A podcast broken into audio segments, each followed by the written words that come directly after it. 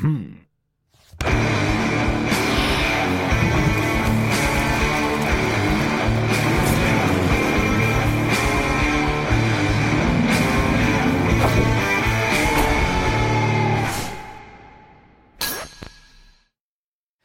Zdravo svima, dobrodošli u još jedan Agilast podcast. Um, pre nego što ispričam malo o ovoj epizodi koju ćete slušati danas, samo da odradimo ono kratko servisiranje, servisne informacije, malo o samom našem podcastu. Pre svega toga da se zahvalim uh, ponovo našim sponzorima, kao i uvek, dragim prijateljima iz Red Bulla. Hvala vam puno i da pozdravimo naše partnere iz Volta. Volt je kućna dostava, kao što znate, s obzirom da je pandemija ponovo u jeku, oni imaju program bez kontaktne dostave hrane, tako da je to super, vrlo su profesionalni i ja sam veoma zadovoljan njihovom uslugom, to iskreno govorim.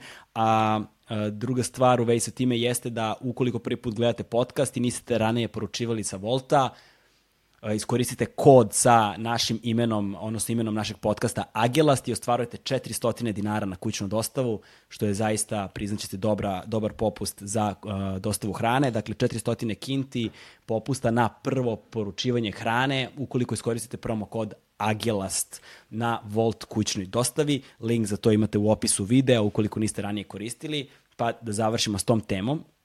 Da pomenem još jednu stvar.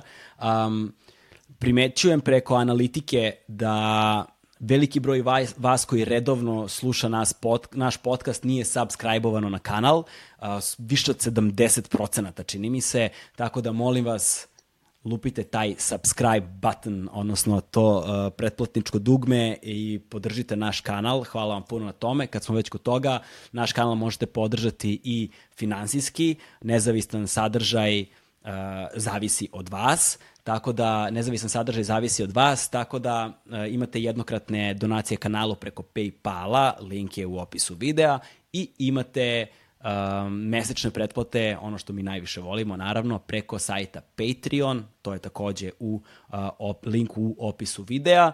Uh, ne zaboravite taj subscribe, kao što sam rekao, i mislim da možemo da počnemo. Današnja epizoda uh, se bavi zapravo nečime što je dugo već tema koja mi smeta, odnosno način na koji je ona obrađena prethodnog puta. Kao što neki od vas znaju, ja sam ranije radio za brojne korporacije i korporacije imaju svoju uređivačku politiku, imaju svoju agendu i tako dalje, tako i, i svoju kreativnu slobodu i način na koji želim da uradim stvari, nikad nisam uvek mogao da uradim baš na način na koji sam to želeo i zamišljao. Ova tema o kojoj ćemo razgovarati danas je jedna od takvih tema. Fasciniran sam dugo istočnom Srbijom i fasciniran sam onime što kolokvijalno znamo kao vlašku magiju. I kada sam probao da saznam nešto više o samoj vlaškoj magiji, kada sam radio istraživački rad i odlazio na teren u više navrata, upoznao sam uh, tadašnjeg fiksera, danas svog dragog prijatelja Aleksandra Repeđića, koji je inače gost u današnjem podcastu. On je etnolog i antropolog, uh, direktor muzeja u Majdanpeku je bio, a sada je um, sada je kustos muzeja Ponišavlja u Pirotu. Uh, i sa njime ćemo razgovarati o ovim temama. I kada smo obilazili teren, zapravo saznao sam baš dosta o vlaškoj kulturi, o vlaškim narodima, o njihovoj tradiciji, njihovoj istoriji, o njihovom nematerijalnom kulturnom nasledđu, o njihovom jeziku, o njihovom kultu mrtvih i tako dalje. I shvatio sam da je veličina priča o vlaškoj magiji daleko šira od onoga što sam mogao i da zamislim, da obuhvatim uopšte sobstvenim mislima. Prve verzije dokumentarnog filma koje sam radio su bile dosta ozbiljne, ali nažalost centrala je zahtevala od nas da napravimo takozvanu fun verziju, odnosno zabavnu verziju, iz koje je, nažalost, veliki deo sadržaja, preko 80% onoga što smo zapravo planirali da uradimo, ispalo. I godinama je ta uh, stvar mene negde žuljala i smetala mi i najzad je došao trenutak da je razrešimo i da sve te lepe, divne priče uh, koje smo saznali o toj kulturi ispričamo danas. Posebno zato što je u pitanju kultura u izumiranju. Sada da pozdravim svog gosta, Repke, kuća moja, kako si? Gde si, bre, vrate moj? Pre svega ti se zahvalim na učešću u tvom podcastu. Mislim, pratim te non stop i baš mi je drago da i nakon tolikih godina kad smo radili da. za Vice i sve ostalo, da smo ostali u kontaktu, da smo posle toga radili neke lepe stvari, a, ali isto tako pre svega druženje i a, taj vibe koji se tada osetio, osjeća se i, dan, i dalje i a, kažem, stvarno mi je čast i zadovoljstvo da budem gost današnje emisije. E, hvala tebi puno, zadovoljstvo je moje, veruj mi i beskreno mi je drago, planirao sam dugo ovaj razgovor i nadam se da će se i nasim slušaocima, to jest gledaocima dopasti. Um, dakle, još jednu stvar samo za sve vas koji nas gledate, um, pitaju me ljudi dalje da li može podcast da se čuje još negde osim na YouTube-u, uđite u opis videa, linkovi vam stoje tu, imamo digitalnu distribuciju audio formata na svim većim platformama, osim Deezera i Spotify-a. Na svim drugim mestima na kojima slušate podcaste možete da nas nađete. Pocket Cast, SoundCloud, Apple Podcast, Google Podcast, slobodno samo ukuzajte naše ime i naći ćete nas. E sada, a, volao bih da današnji razgovor počnemo jednom pričom. A, u pitanju je narodna priča koju je um, koju je zapisao Repke tvoj mentor uh, i bivši direktor muzeja u Majdanpeku pre nego što si ti postao direktor, Paun, je li tako? Baš tako. A, Reci nam nešto više samo o njemu.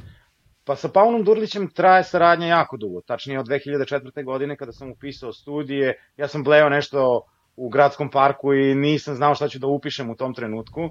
A, dvoumio sam se da li književnost ili srpski jezik i književnost ili književnost i srpski jezik. I to sam nekako imao na umu i onda je on naišao i ono kao u fazonu kupovao novine i kao dođi za 10 minuta u muzej. Ja sam se tada pojavio, on je pojavio se sa gomilom knjige kao ovo ćeš da učiš za prijemni. Uh, prijemni je bio za 10 dana, ja kao ono, kad ću ovo da spremim? Pre svega mi nismo imali nikakvo znanje o samo etnologiji u školi, ni šta je etnologija, nešto smo pominjali kroz istoriju, ali nije to bilo dovoljno i u toj meri kao što je i danas isto deca ne mogu da se upoznaju, pogotovo taj uzrast srednjom školom, šta znači, šta znači termini etnologija, antropologija, kakve su to nauke. I onda je krenula naša saradnja. Ja sam položio prijemni, od 50 koliko primaju na budžet, budem 50. sam toliko vremena imao da spremim taj prijemni I onda sam bio najsrećniji čovjek na svetu, kad sam kao isti fazon kao da sam bio i prvi na toj listi. Da, da, da, da, da, da, da potpuno mi jasno. E sad, reci nam samo nešto više o Paunu uh, i o njegovom nasledđu i koji on i čime se on zapravo bavio. A, Paun Durlić je a, etnolog koji je sve to pokrenuo još 1984. godine, tačnije kad sam se ja rodio tada, a, i krenuo je pre svega da istražuje poreklo i porodice koje se nalaze u Majdanpeku i na delu Porečke reke, a kasnije proširio svoj rad, a, u to vreme on je upisao etnologiju, 84. godine, mislim da je diplomirao 94. godine, a, a pre toga je završio učiteljsku školu u Negotinu. Sve to krenulo, naravno, njegovo interesovanje za samu etnologiju i antropologiju prilikom arheoloških istraživanja na lokalitetu Rudna glava. A, mm -hmm. Ako neko ne zna ko, šta predstavlja Rudna glava, Rudna glava je najstariji arheometalurški a, arheometalurški lokalitet na kome su Vinčanci proizvodili bakarnu rudu i odatle krenula revolucija u proizvodnji bakra. I odatle i njegovo samo interesovanje za etnologiju, kasnije kažem za porodice i onda kreće kult mrtvi kod Vlaha, Vlaška magija i sve ono. Danas je to Vorbar koji može da se nađe online na njegovom sajtu, pošto on čovjek u penziji. Mm. I onda je krenula ta naša saradnja koja je trajala dugi niz godina. I ti si zapravo nastavio njegovim tragom kada je on otišao u penziju. Upravo tako. Pa, nastavio sam i u Beogradu, pošto i Beograd sam kao, a, kao takav a, veliko polje za istraživanje Vlaha. Ne smemo da zaboravimo da se nalaze tu Vlaški Romi, odnosno Banjaši, sa kojim, koji a, u Ripnju, a, onda a, Marinkova bara, gde sam, gde sam i dalje pričao i razgovarao na, na vlaškom jeziku, ali isto tako i saradnje sa Balkanološkim institutom, sa gospođom da. Biljom Sikimić, onda smo odlazili na vlaški teren zajedno, saradnja se, kažem, nastavila i sa Paunom, ali je to pro, saradnja sa svim ostalima, krenuo sam na istraživanje i u Rumuniju, kasnije i Rusije i svašta nešto. E, sjajno. Uh, i, pa on je objavio knjigu uh, sada 2020. godine, početkom 2020. Yes. godine, je li tako? Kako se yes. zove knjiga? Uh, Vlasi na zalasku sunca, a, to je projekat na, u kome smo jedno vreme zajedno radili. A, mm -hmm. Projekat je a, od strane udruženja građana PEKUS a, i a, bila, projekat je bio Askultac po vas tam ja, čujte moju priču, da se sakupe pripovedači da iznesu svoje priče, odnosno šta sve oni znaju a, i šta i dalje neguju i da jednostavno takmičarskog duha a, ispričaju i najbolje bi dobio nagradu. Naravno, da, da. to je sve ono što je on i pre toga radio na terenu, se kupljao priče, a, bes, a, basme, bajke, a, ljubavne pesme, lirske, epske, a, imali smo tu priliku, ja kažem, a, meni je to nezaboravan trenutak a, da u 21. veku ja sedim kraj čoveka koji mi svira zidanje skadra na violini na vlaškom jeziku. To mi je da. bio neverovatan doživlje. Bukvalno vratio e. sam se u ono Vukovo vreme. Vlasi na zalasku sunca, naziv knjige je upravo zbog toga što, zbog dve stvari e, zapravo, to je jer Vlasi uglavnom gaje nematerijalno kulturno nasledđe, to jest usmeno predanje i drugo je zato što je upravo ta kultura sada na zalasku sunca, odnosno u, u, nažalost u izumiranju. Upravo tako, pojavom a, interneta i moderne tehnologije, ali isto tako a, i ovog perioda posle 2000. te tranzicije, kada su zatvorane firme u celoj istočnoj Srbiji, veliki broj ljudi opredelio se da svoju sreću nađe u inostranstvu. E, Ali isto tako i... ta moda traje a, od 68. godine kada je taj krenuo prvi talas i onda se sve to nastavilo. Naravno, mlađe generacije ne pričaju vlaški, redko ko priča, meša se, ili ako se priča na vlaškom, to je neki iskrivljeni vlaški jezik danas, sa dosta, dosta a, reči, izraza iz srpskog, čak iz engleskog ili iz vlaškog, pa onda možeš da čuješ spunje čiki danke, gde se koristi srpski, nemački i, srda, i vlaški zajedno. Da, da, da. I za, vlaška kultura se zaista nalazi u krizi, a senzacionalistički naslovi koje smo imali decenijama unazad koji su se bavili vlaškom magijom, optuživali za najgnusnije zločine upravo ovu kulturu, nisu pomogli u njenom očuvanju ili razvoju. I samim time ono što vi radite, Paun, pa i ti, jeste uh, traganje za svim tim pričama, beleženje svedočanstava i očuvanje ten, tog nematerijalnog kulturnog nasleđa pre nego što ono u potpunosti izumre i ova knjiga je jedan od tih proizvoda, a ja ću sada pročitati jednu staru narodnu uh, priču uh, Vlašku, prevedenu naravno na srpski jezik, iz sela koje nosi naziv Tanda, je li tako? Tako je, tako je. E, no, priča, priča je vrlo kratka, nemojte da brinete. Uh, priča se zove Zašto je Bog pobegao na nebo. Kaže ovako, vreme belih vukova Bog je živeo na zemlji i bio je pomešan sa ljudima. Najbolji pobratim mu je bio đavo, sa kojim je mnoge stvari radio zajedno. Ne pamti se u vlaškim pričama kad i kako su se pojavile vračare, ali se dobro pamti da je đavo od početka bio na njihovoj strani. Čuje Bog za tu stvar i još čuje kako se vračare hvale da su jače od njega. Uzjaše on konja i krene na put da sam vidi koliko je ta priča istinita. Jašući tako konja najđe na neku raskrsnicu. U sred raskrsnice jedna baba je naložila vatru a na vatru stavila lonac da se kuva sa nekakvim travama, pa nalaže drva da se vatra razgori i travke što pre skuvaju a sa strane je stao njegov pobratim đavo i govori babi šta da kaže. Shvati da Bog, shvati Bog da je naišao na vračaru koja uči od đavola da vrača. Stegne dizgine, dizgine, podbude konja da pređe preko vatre i razbije babin lonac i viknu. Stani lonče, ne kuvaj. Kad baba vide da će konj pregaziti, dignu ruke i viknu i ona. Stani konju, ne idi. Konj stade u mestu, a vatra ne samo da se nije ugasila, nego se rasplomsala, pa je lonac počeo da ključa. Opet Bog sa konja vikne, ali jače. Stani lonče, ne ključaj. Baba kaže, stani konju, ne idi. Pokuša Bog još dva, tri puta da podbude konja da krene, ali ovaj se bio ukopao u mestu kao da je od kamena. Tada vide Bog da je vračara u istinu jača od njega i shvati da više nema šta da traži na zemlji. Izbaci krila, pretvori se u letača, te odlete sa konja i izgubi se zauvek u plavetnilu neba. Tako su vračare ostale same na zemlji da bajaju i vraćaju onako kako ih uči đavo. To je priča koja govori o uh, nastanku uh, vračara i o tome kako je Bog u vlaškoj kulturi pobegao iz naroda na nebo. I važno je govoriti o tom, tom kultu, uh, uh, kultu mrtvih na zemlji zato što je on sastavni veliki deo vlaške kulture, je li tako? Upravo tako.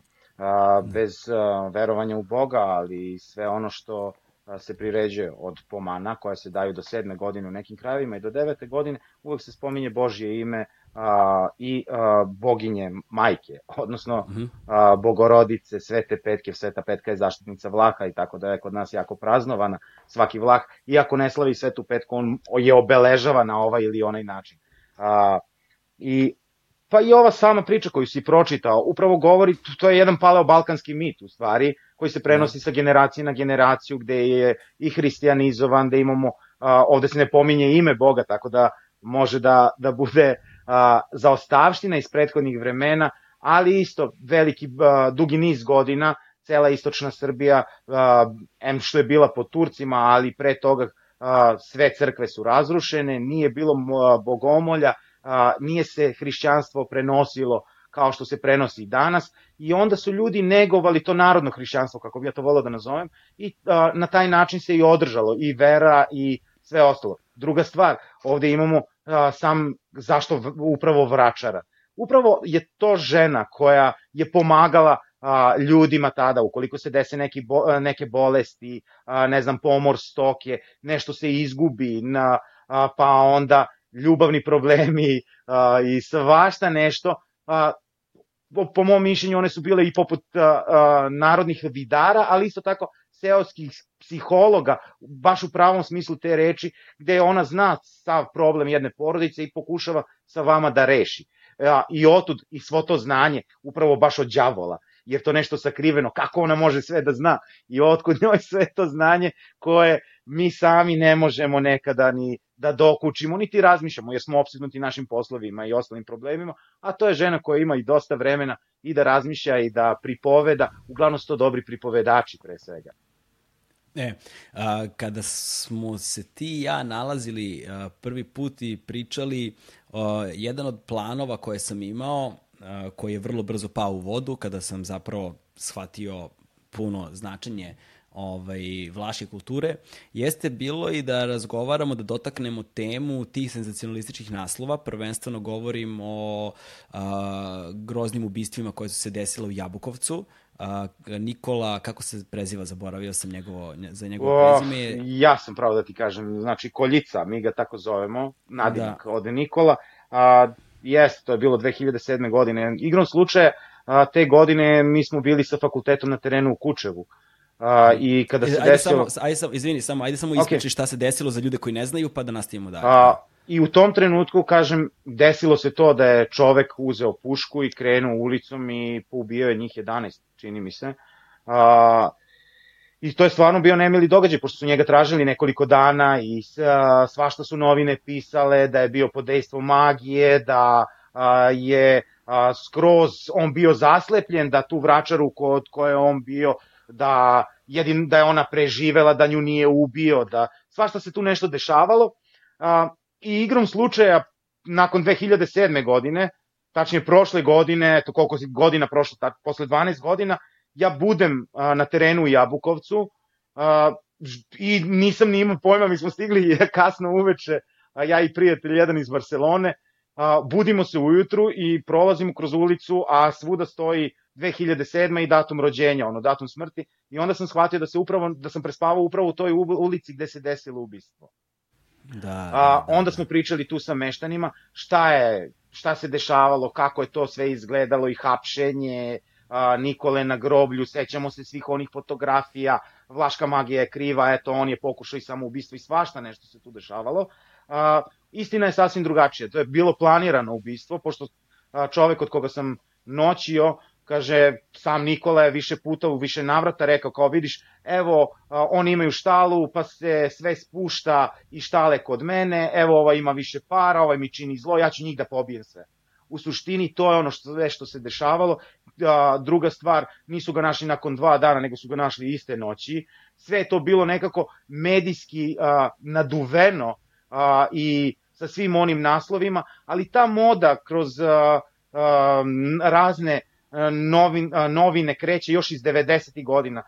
Ti i ja se sećamo jako dobro gde su one sve one vračare na TV-u, pa kao Vlaška vračara, pa oglasi. Ona kriza 90-ih je pokrenula svu tu lavinu da bi se sve to ono desilo 2007. i kao, evo, Vlaška magija. Naravno, takvih naslova je bilo i dalje, ne znam ako se sećaš, proš, prošle ili pretprošle godine pojavio se kao vampir u Kladovu Negotinu, pa je šumska majka usmrtila a, dva lovca u Zaječaru. A, u suštini oni su umrli od srčanog udara, sasvim nešto normalno, nije bilo nikakvih veza, ali uvek mora da se provuče to vlasi, pa onda da. strnđanje i svašta nešto.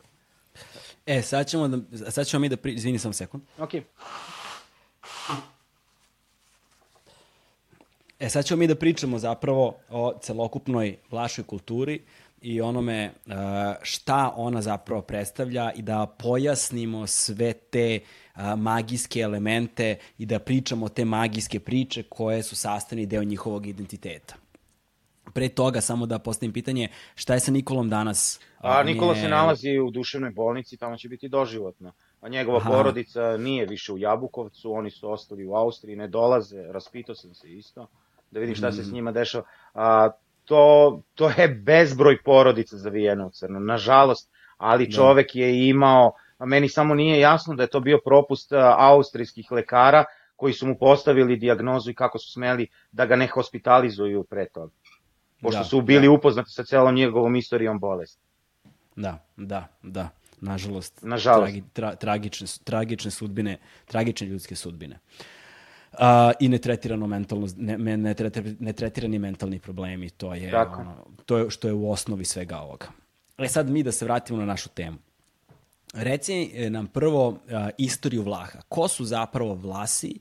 odakle oni i ovaj, kako su se nastanili baš u tom regionu?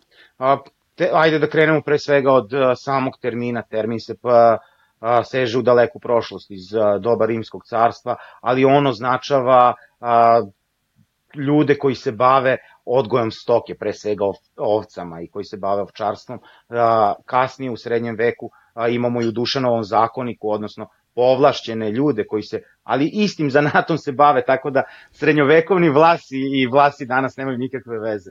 A, mm. Nakon seobe Srba, a, ceo prostor istočne Srbije ostaje ogoljen i bez stanovništva, a nameti su bili u današnjoj Rumuniji jako veliki, ali ne od strane Turaka, jer Turaka tamo nije bilo, nego upravo od strane bojara koji su se ponašali a, kao najgori feudalci prema svom stanovništvu i na, ovom prostor, na ovaj prostor Marija Terezija s jedne strane doseljava stanovništvo, a, mi ih nazivamo Ungurjanima, pošto dolaze iz tadašnje Ugarske, a, i carani koji dolaze a, iz, a, koji dolaze iz Vlaške.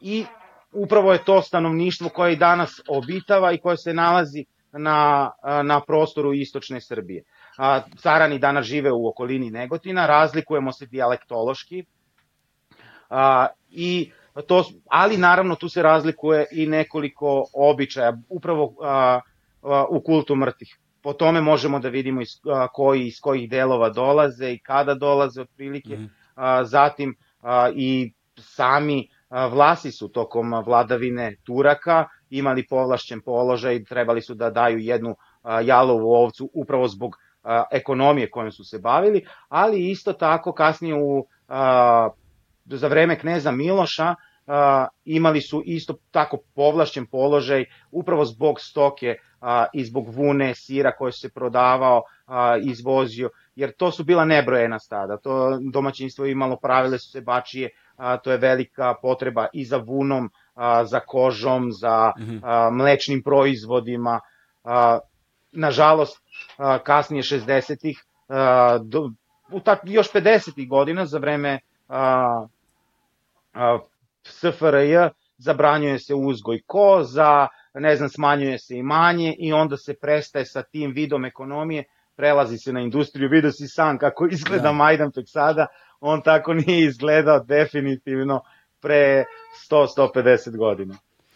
E, da se vratimo sad malo, u, malo unazad, pomenuo si, pre nego što pomenemo veliku seobu naroda i malo objasnimo taj koncept praženja tih sela koje su, koje su potom naselili Vlasi, uh, samo da pojasnimo isto, istoriju Vlaške, Vlaškog naziva, zapravo Vlaške, etimologije Vlaškog ime, imena Vlaha, uh, zato što pre nego što je Rumunija postojala kao država, postojala su zapravo, je li tako, bila Moldavska kneževina, Tako. Vlaška kneževina. Basarabija, Obio- Transilvanija, Objasni, Vlaška. objasni. Objasni one su bile podeljene u različite kneževine. A, u svim kneževima, u svim većim centrima vladali su bojari, odnosno svako kao, otprilike tomu dođe kao panda našeg kneza, koji vlada jednom, jednim delom a, i on je tu glavni i to je to.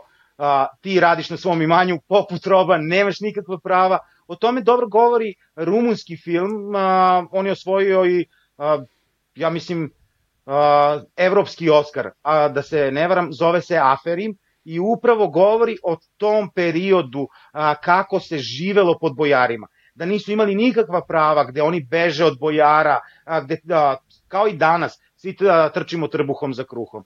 A, I ja zato volim, to sam preuzeo upravo od Pauna, ne volim da kažem ono da postoji neki nacionalni identitet, nego samo ekonomski identitet. Znači nije bitno gde smo, šta smo, ko smo, ali a, ipak kad, a, kad smo gladni, kad nemamo da radimo mogućnosti, naravno da ćemo tražiti a, sve ono za našu porodicu najbolje.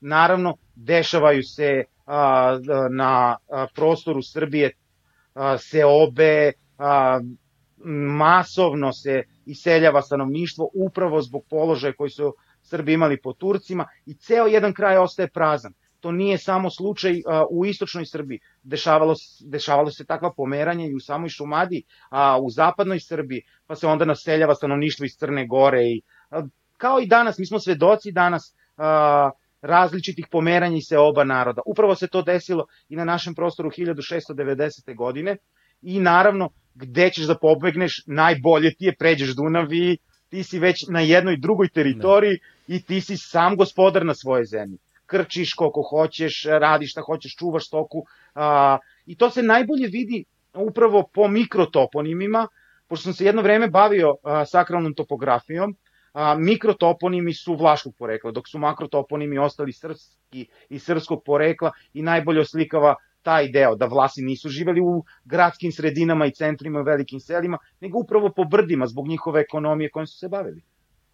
Da, vrlo je zanimljivo i kako su se oni raspoređivali, raspoređivali svoje domaćinstvo na brdima a, da bi mogli da pomognu jedni drugima tako da mogu u svakom trenutku da se vide preko brda i da se dovikuju. Tako je, tako je, naravno. A, imamo tu jedan divan instrument a, sa kojim smo se dozivali nekada, zove se a, bušin a, ili bučin.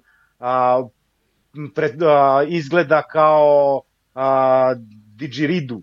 Da, didgeridoo, australijski, onaj, Didgeridoo, kao- australijski jeste, Da, s tim da, što da. se pravi od lipe a, i onda je služio za dozivanje čo, a, čobana sa jednog brda na drugo, ali isto Zapravo- tako da se čujemo i sa rumunskim čobanima sa one strane.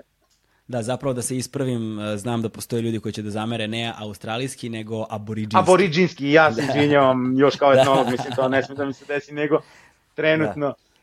Dakle, dakle, koristili su instrument poput didgeridoo-a. Jeste, jeste, i dan danas se pravi, a, pravi se od kore lipe, a, odnosno kad je lipa mlada i onda se uveže isto tako sa a, nitima koje se izvlače iz lipe, da ostane samo kora, a te niti se koriste da bi se on a, povezo, sličan zvuk daje, može da, da, da bude dugačak i do 2-3 metra a, i jako je interesantno. Svira se nešto poput trube, ali treba imati iskustva. Jesi probao da ga sviraš? Jesam, ne umem, ne, ne, daleko, ne, ne mogu. E, a, koliko različitih a, vrsta, možemo kažem, ne mislim, koliko, koliko, različitih, a, koliko različitih tipova vlaha ima na prostoru istočne Srbije, u Srbiji generalno, ovaj, koliko različitih dijalekata? A, mi da, sa naučnog stanovišta i stanovišta istraživa, istraživača razlikujemo četiri različite a, grupe i a, petu kao vlaške Rome odnosno banjaše koje sam već pomenuo. A, e sad raz, raz, razlikujemo ungurijanski tip koji se nalazi a, od zapadno od Majdanpeka, to je taj deo Kučevo, Mlava, Ćuprija, Despotovac, Požarevac. A, onda taj munćanski ili brdski tip a, sliv Porečke reke do Dunava i Majdanpek sam, Carane i u samom Majdanpeku Bufane, koji dolaze u 19. veku, odnosno to su ljudi koji su se bavili pretežno rudarstvom i daj dijalekt najviše podsjeća na današnji rumunski. Sve ovo a, podsjeća na rumunski koji se govorio u samoj Rumuniji pre reforme jezika i dok Rumunija nije bila objedinjena u jednu zemlju. A, Kakav je zapravo uh, vlaški jezik? Šta je, šta je, za, jel to je, to, da li su to zapravo dijalekti rumunskog jezika? Jesu, da, definitivno. To su dijalekti uh, starog rumunskog jezika pre uh, transformacije, jer znamo u doba romantizma uh, i mhm. oni dobijaju naziv Rumunija, a, pre svega da asocira na poreklo a, i zajedništvo sa starim Rimom, a, preuzimaju se reči iz francuskog, italijanskog, španskog, da bi se približilo, ali kod nas ostaju upravo te stare reči, jer nismo prošli samu reformu jezika, a, do 19. Mm -hmm. veka u Rumuniji se pisalo ćirilicom, tek kasnije se piše latinicom, tako da veliki broj nadgrobnih spomenika je na ćirilici a, iz 19. veka u samoj Rumuniji. A, meni je jako interesantno, znaš, kad odem tamo i kad razgovaram sa starijim a, ženama, muškarcima koji imaju 80-90 godina i oni kao, jao, pa ti pričaš koji naši babe i dede. znači, da, e, njima to bude a, jako interesantno. Tako da. da, e, ti zapravo uh, govoriš vlaški jezik. Vlaški, da. Vlaški, uh, koji dijalekat vlaškog? A, munčanski. Munčanski. Munčanski, planinski. Kako, ka, ka, kako bi, daj, reci mi neku rečenicu na uh, munčanskom, uh, vlaškom. Ševrej se spun, šta želiš da ti kažem? uh, ništa, nemam Njimik, pojma. nušću. nušću, e, dobro. Samo ponavljam tvoje reči upravo. Da, dovolj, dovolj, dovoljno si rekao, dovoljno si rekao. E, um, um, kako je, kako geografija uh, istočne Srbije uh, uticala zapravo na da kažemo, očuvanje ili uh, uh, izolaciju uh, vlaškog naroda na ovim prostorima? Uh, uh, I tekako uticala. Pre mhm. svega, video si i sam, uh, to su prostori koji su uh, bili jako dugo, hm, uh, kako da kažem, nepristupačni uh, za sve red, uh, za celo stanovništvo otuda imaš i pojavu hajdučije na tim prostorima koja se javlja a, i traje a, od srednjeg veka pa sve do 20. veka. Sam poznati Ivan Babejić, koga su svi redom jurili i hapsili, pokušavali da ga uhvate, jeste isto i sa, sa tih prostora. Sama geografija utiče na to, ali isto tako i na očuvanje identiteta a, i nematerijalne kulturne baštine. Bili smo na prerastu, video si ono čarobno mesto, isto tako vratna kod Jabukovca. A, ali izvini, samo, po, ja, samo seko, ja, ja sam ih video, ali ver, pretpostavljam da veliki deo naših Ve, slušalaca nije. Veliki deo, da samo opiši da ne. šta je to. A, da. To su kameni mostovi, odnosno to su pećine koje, gde se svod obrušio i ostala je, ostala je prirodna formacija poput kamenog mosta, gde može da se pređe. Naravno, za nas je to prolaz i vrata sa ovog na onaj svet, a, pošto drugačije ne možemo da ga, da ga opišemo. A, I stvarno je ono magično, jer ispod je reka, reka je u vlaškoj kulturi jako bitna, a, pre svega zbog a, a, kulta mrtvih kod Vlaha, jer mi onaj svet zamišljamo bez vode, bez a, svetla, a, jednostavno jedan mračan svet, a, ali a, kod nas nema pakla. Tako da sve ono što namenimo sebi za života nas će čekati tamo, sami sebi stvaramo raj. Naravno, ukoliko je neko pogrešio, on će biti u jadu, odnosno u hadu a, nekih sedam godina, ali posle toga izlazi u raj, tako da smo svi veseli srećni. odnosno, svi sebi pravimo svoj raj, odnosno pravimo sobstveni pakao. Upravo tako. A, e, um, sada ćemo da se fokusiramo malo više i na taj kult mrtvih, da bismo prvo kult mrtvih i to nematerijalno kulturno nasledđe. Vlaška kultura je zapravo uh, jedna od redkih kultura živih danas koja je usmena, koja se prenosi usmenim putem. Reci nam nešto više o tome. Vlaška kultura kao takva, lepo si rekao, prenosi se usmenim putem, s tim što bi napravio jednu digresiju i više ne zovem kult mrtvih, nego kult besmrtnosti. Tamo smo svi besmrtni i živimo sa svojim predcima i dalje. A, Naravno, ona se a, u takvom obliku prenosi sa kolena na koleno, ali isto tako se modifikuje, upravo zbog upotrebe moderne tehnologije, ali se ne zaboravlja i dalje se praktikuje. E to je ono što, gde ja vidim pozitivnu stvar, gde će se a, sam taj a, kult održati i gde će trajati dugi niz godina, a, jer ipak su a, nama a, naši preci jako bitni. Na taj način ih pominjemo i dalje žive sa nama i dalje su tu prisutni, jer ipak kada svake godine nešto organizuješ za, neki, za svoje pretke, a pritom nameniš i za sve one ostale koji su pre toga umrli, setiš ih se, ako ništa drugo, bar jedan dan u godini, okupi se porodica, familija, prijatelji, koji su naravno poznavali čoveka, ali isto tako sam taj, sama pomana je i inicijacija za nasleđivanje i učenje, jer dete, rekao sam već da je voda nama jako bitna, onda se tu pušta voda za mrtve. A, I to mora da radi devojčica koja nije, mislim, prve godine, a, nije imala menstrualni ciklus, još nije dobila i sve ostalo, e ona izliva vodu. I ona sedam godina uči. Zato kažem da je to inicijacija, jer će ona biti taj nosilac kulture. Kod nas su žene nosioci kulture a, i običaja i upravo a, sama pomana služi kao oblik inicijacije, jer sedam godina učenja jednog običaja i te kako moraš da zapamtiš i da ćeš praktikovati i dalje. A, bez izlivanja vode običaj nije potpun. Kako izgleda ta, e, taj ritual izlivanja vode? A, m, o, sama pomana sastoji se iz nekoliko faza. A, prva faza jeste namenjivanje odeće, a, daje se odeće da bi on imao odeću na onome svetu, to mora da a, ili a, da odstoji cele noći, da, je, da ga ogreje prvo sunce, jer a, upravo je a, kada kod nas viće, kod njih je noć ili obrnuto, a, i a, kada nakon prvih sunčevih zraka namenjuje se odeće, e onda se posle a, ovo pušta voda za mrtve, odnosno izliva, a, za, razlikuje se od kraja do kraja.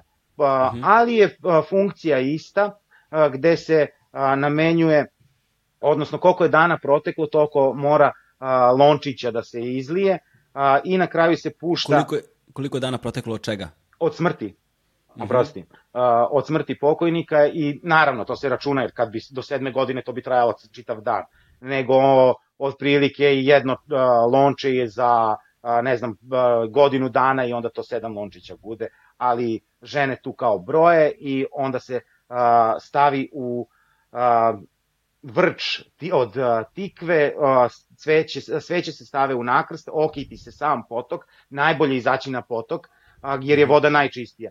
Baš sam pitao, znaš, evo sada, upravo zbog modifikacije samih običaja, neko ta danas praktikuje kući, je kao, dobro babal, zar nije logično da se izađe na potok i da se uh, pušta voda? Kao, pa jeste, ali danas ima dosta flaša, ta voda više nije čista, a ova prolazi kroz filter.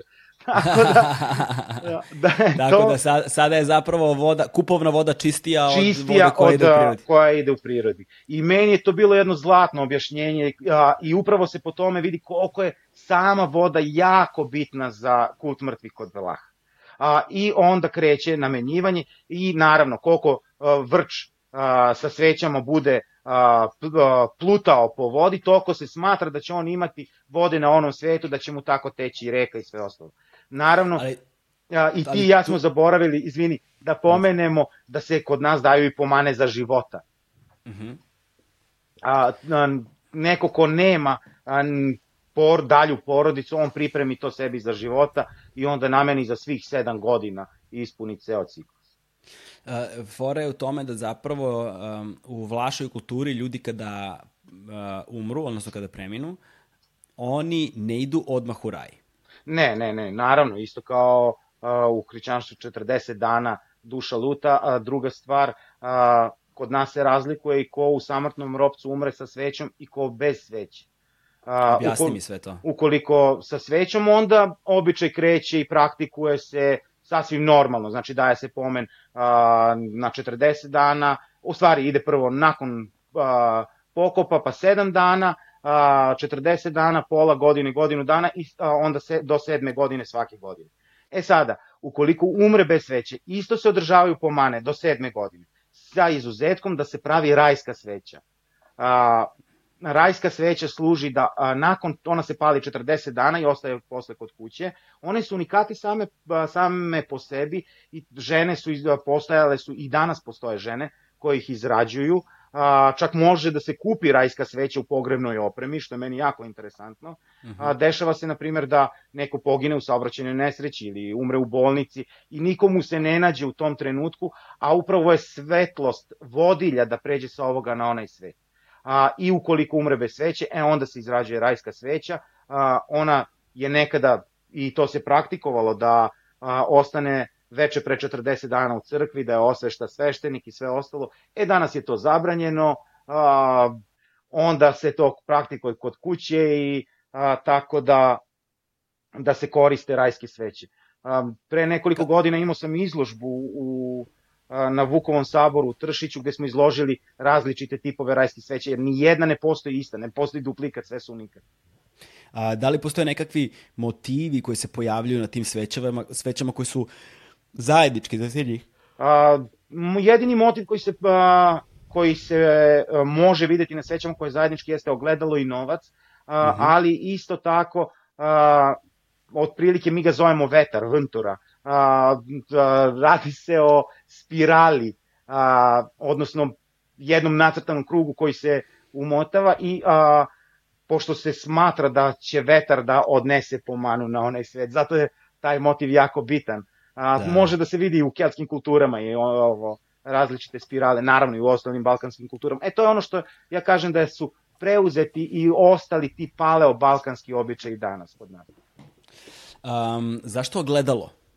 Ogledalo je portal sa ovog na onaj svet. Odnosno da mi možemo da se vidimo sa njim. I on nas da vidi. Mi njega ne vidimo, ali on nas vidi. Zato se i ogledala pokrivaju i sve ostalo. A, kada neko umre, da tada ne može da prođe i da sve ostalo.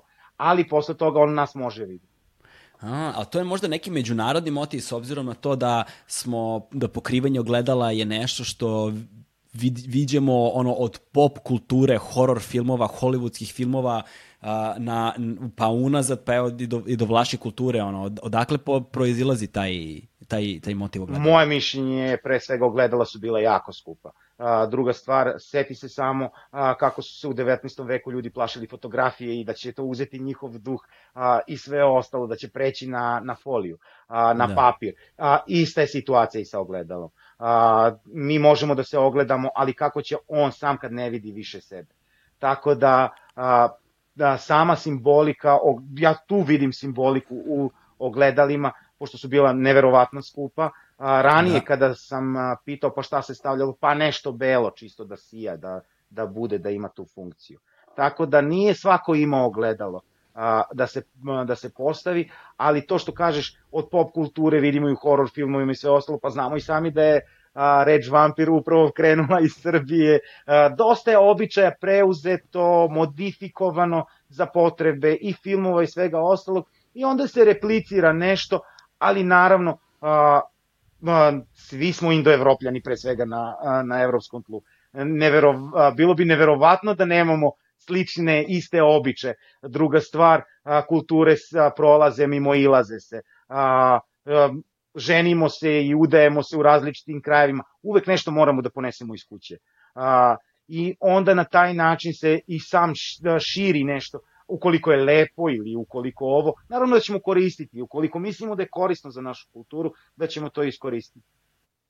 E sada, um, zanimljivo je da sam viđao kada smo obilazili te krajeve, uh, moram samo da naglasim za one koji nisu nikada bili u prirodi istočne Srbije, koliko je ta priroda divlja.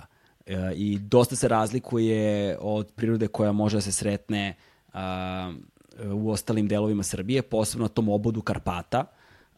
I da tu vrlo često nemaš nikakav signal za mobilni telefon, vrlo često si strašno izolovan, zime su jake u pojedinim delovima, a, sunca je, ima vrlo malo sati u toku dana, zato što se nalazi u kotlinama između, a, dakle, između, između, između planinskih vrhova i ima ogroman broj pećina u istočnoj Srbiji, od kojih je veći deo neistražen potpuno, je li tako? Upravo tako, samo Majdanpeku ima preko stotinu pećina, a od toga je istraženo jedna ili dve kapetanova i Rajkova pećina. I to je su, to. I to je to. Sve ostalo je neistraženo. Naravno, nekada su i te pećine a, bile korišćene za razne različite rituale u kulturama koje su obitavale tu. Tako da, da. ima dosta u muzeju u Majdanpeku, ima dosta materijala iz nekih potkapina i pećina koje su a, čak e, dosežu u bronzano doba, da su, se, a, da su ih ljudi koristili. A, e... K, sam kraj, kao što si pomenuo, zato i jeste nacionalni park Đerdap upravo na tom prostoru, jeste a, jedna sredina koja više mhm. podsjeća na prašumu nego na, na šumu. A, šume su jako guste i Bukova je šuma u pitanju, iako nije velika nadmorska visina.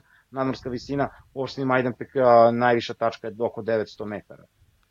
E, a, s obzirom da ima veliki broj pećina i koliko je, i to znači da ima ogroman broj reka, potoka, ponornica, reka koje izlaze iz, iz pećina i u pećine. Ovaj, a znamo koliko je voda, sad znamo koliko je voda važna um, u kulturi uh, vlaških naroda i onda ti, kada smo se šetali tude, kada smo prolazili tu, kroz tu divlju prirodu gde smo viđali tragove vukova i šta, svašta smo, svašta smo ne, na svašta smo nešto nailazili, posebno što smo imali tu nesreću da prvi put kada smo, prvih nekoliko puta kada smo išli bila je i zima, pa je bilo i dosta snega. Ovaj, a, a, e, viđali smo a, baš na rekama ogroman broj a, kao nekakvih zagrobnih mesta uh, koja su posvećena pokojnicima uh, koje su izgledala vrlo čudno. Odnosno, deluju spuki ovako kad ih vidiš, deluju zastrašujuće, posebno ideš kroz divlju prirodu, nemaš signal za mobilni telefon, smrzavaš se, ono, jedva se probijaš i odjednom nalaziš na neku rečicu u sred guste šume i na njoj stoji na reci, stoji, stoji na reci ovako klup, klupica sa stolom, stolnjakom i po, na drvetu pored je fotografija neke osobe sa imenom i prezimenom, pločica na kojoj se svašta nešto nalazi ovaj, i puno takvih prizora zapravo ima svuda raštrkanih kroz, kroz prirodu istočne Srbije. Reci mi nešto više o tome. Jeste, upravo si dao lep opis uh, onog dela ispred uh, Dubočke pećine i sela Duboka gde smo naišli na, na mostove koji se namenjuju za mrtve. Uh, karakteri, samo selo je karakteristično, to se razlikuje na primjer od uh, Majdanpeka, oni za svaku godinu poređaju preko reke most, uh, naravno tu se stavi crven konac marama, uh, tačno je da se tu nalazi i umrlica i sve ostalo, a, upravo most ima tu funkciju da se pređe preko reke i ukoliko je čovek pravedan, most se širi i on prelazi direktno u raj. Ukoliko ne, a, most se skuplja i on pada u jad, ali svake godine se namenjuju mostovi. A, mostovi su svuda prisutni. E sada, naravno, a, kod nas se to razlikuje, tamo se prave baš mostovi brvna preko reke, da. dok a, u Majdanpeku i okolini postavi se Leskov štap samo. I onda je Šta to... Šta je štap? Štap od leske. E, ovaj... Jer sama leska je magijsko drvo i ima tu funkciju zaštite, ali isto tako jer kao leskom može da se ubije zmija, jedino njome, a, onda lešnik kad se izbaje na lešniku štiti od metka, a, i a, naravno kao sveto drvo i kod drugih naroda, ne samo kod Vlaha i a, kod Srba a, je takođe bilo svetlo, sveto drvo. A, onda se koristi kao čisto drvo leskov štap. A, kada već pominjemo a, floru, jel te, i simbiozu sa vlaškom kulturom, da pomenemo i tikvu. Uh mhm. -huh. Zašto se tikve? Svuda, samo da objasnimo ljudima prvo, gde god sam prolazio, odnosno gde god smo prolazili tim selima unaokolo, masovno smo viđali na kućama okačene na ulaznim vratima tikve i najrazličitih oblika korišćene za sve i svašta i kroz šume posebno to deluje vrlo vrlo zastrašujuće a, u sumrak i noću kada prolaziš kroz šumu i kada nailazi, i nailazimo niz sa drveća, kod stena, a, okačene tikve sa svećama, polomljene tikve presečene na pola sa svećama unutra. A, taj vrč na koji smo naišli, on jeste stvarno izgledao onako sablasno ispred a, Dubočke pećine, ali on je služio pre svega za svrhu da bi neko izbajao, da bi se otkrilo zlato, jer se smatra da je pećina sama po sebi puna zlata hajdučkog, da su tu ostavljali i onda su izvodili tu a, vrlo verovatno neki ritual ili su žrtvovali možda neku kokošku na bogojavljenje da im se javi a, pošto je bio praznik jako blizu kad si obilazio i verujem da je to od prošle godine ostajalo. A, vrč kao vrč kao tikva jeste jako bitna, zato što ona može kad se osuši da pluta i sve ostalo. A, -hmm. Druga stvar, a, svi sadimo tikve, pre svega a, koristi se ne samo za ishranu, a, jako je bitna da se tikva jede na badnji dan, jer je posna i sama po sebi. Upravo zbog toga a, i naravno prave se različita jela od tikve, ali i služi za, za ishranu stoke. zbog toga je jako prisutna, jer je jako kalorična, daje dosta energije i onda može da se koristi, ali, kažem opet, koristi se i u obrednu svrhu, za izlivanje vode, koristi se kao vrč da se dohvati voda, da se vrč taj pusti niz vodu, zatim kao što si sam video tada i ovo se, ja i dalje čuvam tu fotografiju, čak sam u a, knjizi Mitovi legende i narodni običaj Đerdapa iskoristio baš tu sliku a, a, iz a, Dubočke pećine gde ona okačena onako drvo sa crvenim koncem a, i ona se tu nalazi u toj mojoj knjizi, prvoj knjizi a, ali upravo da predstavi a, sve ono a, i tu te magijske radnje koje ne koriste se samo za ljubav. Ljudi sve misle ono kao ljubav ili da se nanese nekom zlo. Naravno, tu je i da se otkrije i zlato, da se ukrade i ukra, da se otkrije i ukradena roba i a, svašta nešto. Uvek je prisutna magija, nije da od rođenja pa do smrti. Čak i sama pomana je magijski oblik. A, a, mhm. sam ritual je magijski oblik.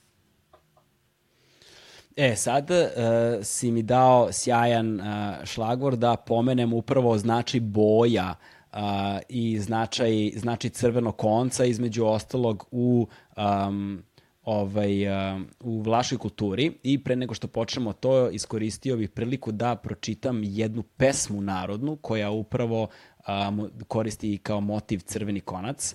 Samo da pronađem, evo ga, za vezivanje muškarca. I sad ćemo pričamo malo više o tome, o tih boja, o značaju tog konca i da pomenemo šir, ši, ši, širinu spektra tih značenja koje nije usko vezano samo za ono što mi znamo. Dakle, ukoliko ste koristili crveni konac da vezujete, evo odakle ta kultura dolazi. Kaže ovako, za vezivanje muškaraca, pesma uh, iz mesta, evo upravo koje smo govorili, Rudna glava, uh, koju je prenula Jelena Rajković. Žena koja želi da veže muža ili ljubavnika samo za sebe, da ne može imati uspeha u seksu ni sa jednom drugom ženom, kad legne s njim, uzme malo kučine i kada završe posao, krišom se njome obriše od sperme. Od te kučine kasnije uprede konac dužine oko dva dlana. Konac vezuje u devet čvorića i dok vezuje, govori vezujem konac od kučine, ne vezujem konac, nego vezujem, pa sad u zagradi ime. Vezujem mu pamet, vezujem mu misli, vezujem mu ruke, vezujem mu vene, vezujem mu kurac i muda. Kod druge kad ode, kurac da mu se ne digne. Posle toga uzme cev od zove, spremljenu kao cevka za razboj. Samo sekund. I na nju bije taj konac, a, a otvore se, a, šta kaže, otvore se a otvorena cevke zatvori ovčim braboncima i kaže zatvorila sam seme u zovinu cevku, vezala sam u kurac u devet čvorova, ovčim braboncima sam mu zatvorila vene. Moć da nema kod druge žene. Ni u kurcu, ni u mudima, kurac nek mu spadne, drugi da ne vidi, samo ja da mu budem draga, samo ja da mu privlačim, samo ja da ga privlačim, samo sa mnom da može celog svog života. Amin tu cevku žena dobro sakrije pod e, strehom kuće i ostavlja je tamo da joj se sasvim ne izgubi iz vida. Tako se vezuje muškarac za kojim, sa kojim žena spava, ali žena može privući i vezati za sebe bilo kog drugog muškarca koji se sviđa. Da bi vezala takvog muškarca treba da uzme crn konac i kad ga voli i kad ga vidi da ide putem kako on korača, tako i ona svaki njegov korak da veže po jedan čvor. Broji do devet i govori vezah, pa sad ime čije glavu, vezah mu vene, vezah mu krv, vezah mu razum, vezah mu misli, vezah mu ruke, vezah mu noge, vezah mu celu snagu, sa drugom ništa da ne može. Onda ime koga vezuje, uzeh razum, na drugu da ne misli, da misli samo na mene i srce nek mu govori dok meni ne dođe. Da li bi nam dao objašnjenje malo svega ovoga? Pa, pazi, na, mislim da će neko sada da iskoristi ovo i pod izgovorom da ide da sakuplja cvet zove za sok i pravljenje soka da će ići po cevke. a, naravno, a, sam a, jedan moj rad upravo govori o tome gde, se, gde upotreba razboja i delova razboja u magijske svrhe a, i samo svojstvo i, a, i magijski karakter pirotske šare, znači ili evo dotakli smo i ponišavlje, a, upravo govori o tome koliko je sam razboj jako bitan, pošto se koristi cev zove, a, jer ima taj falusni oblik. E mhm. sada da se vratimo na sam konac i na, na boje, a, i u kabali mi možemo da najđemo na crven konac. A, isto tako crveno je zaštita od uroka, od rođenja vezuje se deci. A, smatra se da konac ima upravo tu zaštitu i da ne može da ništa krene na, na crveno, a, da ima tu odbrambenu funkciju a, i zato je crven konac jako bitan. I bitno je a, da je od vunice, odnosno prirodnog materijala. Danas se koriste različiti drugi materijali, ali kada se crven konac uveže u čvor koji je nama a, i u našoj kulturi jako bitan i ima tu a, simboliku zaštite, ali isto tako i vezivanja. A, ne znam ako se sećaš, Slobodanka je upravo koristila crven -hmm. konac kada smo bili kod nje, a, tako da... U više navrata. A, u više navrata, jest, jest.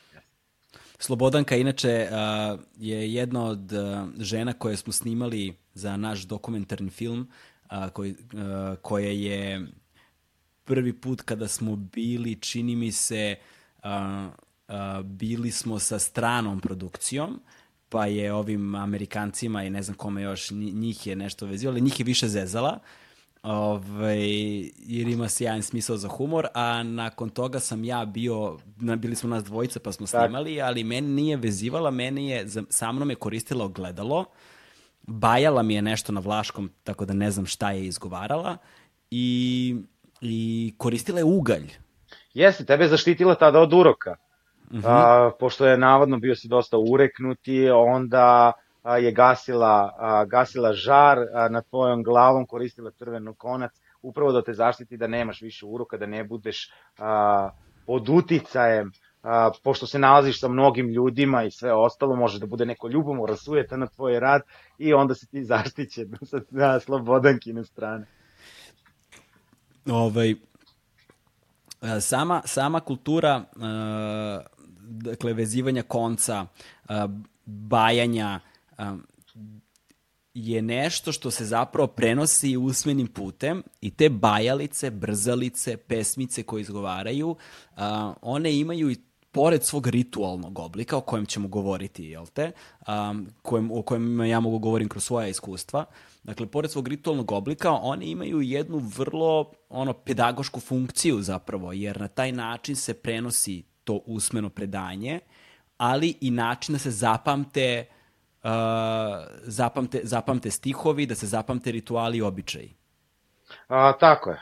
Video si sam, one se šapuću, a, jed, jedva su čujne, redke su žene koje će ih naglas izgovoriti, kao što je Slobodanka bila pa otvorena sa nama da ih, a, da ih izgovori. Jer a, ukoliko se izgovore, preći će snaga na tebe, ona će izgubiti moć a, a, i neće više biti toliko moćna vrat, vračara, upravo zbog toga se izgovaraju jako tiho. A, druga stvar, a, one se tri puta ponavljaju, jako su dugački.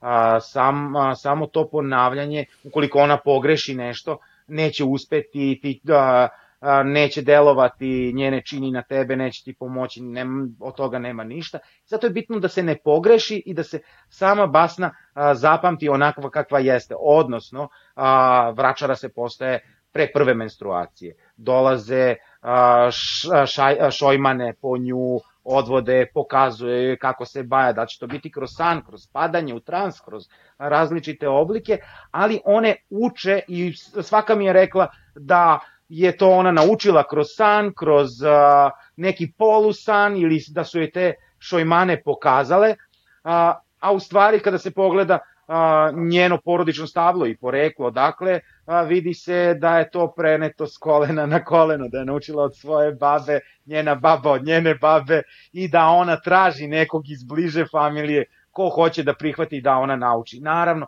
To se od malih nogu uči. I zamisli sada a, devojčicu sa 5-6 godina koja u to vreme nema TV, nema radio, to je 19. vek, nema da. interneta.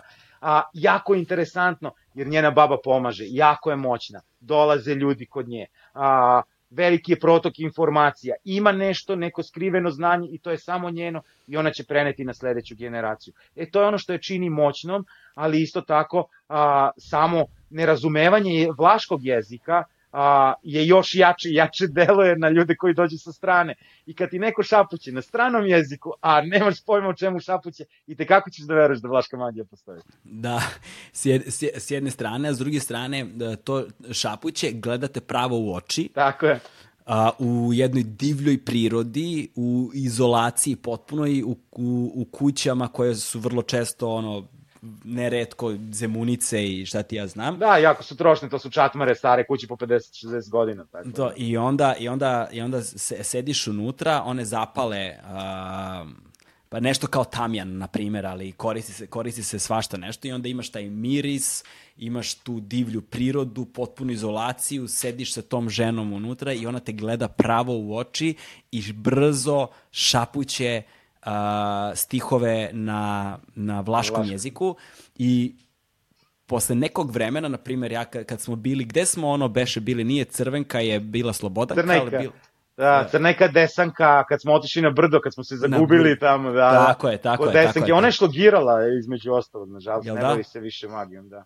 A, nažalost, nažalost, da. Kod, nje, kod, nje, kod nje kada smo bili, ja sam, uh, one obavljala ritual kada mi je govorila da sam jednom nogom na grobu, jednom u grobu. Ove, i, i, I ono što se desilo, to je, bila, to je zapravo bila tačka koja je meni promenila način posmatranja magijskih elemenata. Postoji nešto ritualno, što sam malo prepomenuo da ćemo, uh, rekao da ćemo pomenuti uh, i evo sad bavimo time.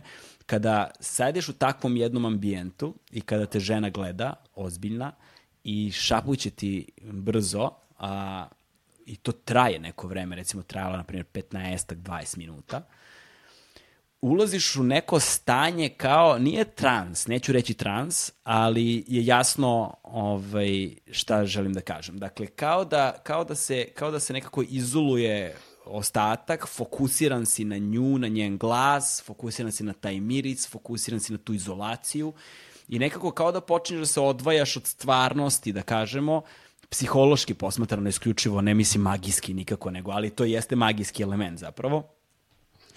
I za nekoga ko živi u toj sredini, a, za nekoga ko dolazi iz te kulture, iz tog nasleđa, čiji identitet je duboko utkan a, u vlašu kulturu na način na koji su naši identiteti utkani u naše kulture, ovaj, ono može da nosi ogromnu vrednost i može da ima izuzetno jak, sugestabilan a, a, značaj. Upravo tako. A, svakako i mi koji smo nosioci te kulture i koji dolazimo iz iste, a, tu bi pomenuo teoriju mog profesora Ivana Kovačevića sa katedre za etnologiju. A, upravo je to taj pravi oblik simbola prelaza, gde si ti mhm. jedna osoba pre nego što uđeš kod vračare, dok si sa vračarom druga i kada izađeš ti se opet vraćaš i a, upravo si prešao a, iz jednog oblika u drugi i kako se ponašaš, ti sam menjaš svoje ponašanje. Naravno i kod nas a, je isto to prisutno. Jaka je autosugestija. Ko je pod znači ko je autosugestivan i te kako lako može da padne pod utice i da kaže a, jeste, tako je, sve to tačno, sve mi je pogodila. A, ja ne znam da si ti primetio, ali desanka je tebe u više navrata ispitivala, jel ima toga, jer ima toga, jer ima toga, gde si ti govorio da, jeste, u suštini ti sam daješ a, da. odgovore na svoja pitanja i na njene i ono kao da, jeste, pogodila mi a u suštini sam si ti to sve rekao i a, sve to, na, naravno, ljudi nisu svesni da više puta i u više navrata govore a, o sebi kroz njena pitanja koje su tako prikrivena, gde bi ona kao saznala nešto i reći će ti sve ono u suštini što znaš. A i tako sobstvenim da, reakcijama, neverbalnom komunikacijom. Jeste, jeste, upravo tako. Svojim pokretima, jer a, drugačiji smo, totalno se menjamo. A, mi jednostavno kad uđemo u onu prostoriju video si a, sa leve strane nalazilo se pregrš nekih ikona, različitih svetaca, a, onda njen iz politike ekspres, koliko mi se čini, Isečak je stajao uramljen na zidu, a, gde i ona sebi daje moć, ja sam ipak bila u vračara u novinama, jaka da, da, sam, da, da, neko da, da. piše o meni, a, i sa, ona je imala bukvalno kao kancelariju gde je bio jedan šporet, jedan krevet i taj sto gde, a, gde ona gledala u zrna i govorila upravo nekada i ono što želimo da čujemo. Naravno, da. žena isto kada oceni, dođe mlad čovek, pa ne može onda ima nekih finansijskih problema ili zdravstvenih. To je uglavnom problem u ljubavi i ona će govoriti o tome. Koliko dođe da. neko stari a, tu 50-ih, 60, sa 50-60 godina, uglavnom su to priče, ja, evo imate, a, kredit je u pitanju, imate problema s pritiskom, a, neko će, a, neko stariji će da umre iz kuće, tako da sve ono što je normalno a, da se dešava, ili ako dođe mlad, to sam zaboravio da kažem, to danas svaka ima da kaže, u mlaci oženit ćeš nevinu, otićeš u inostranstvo.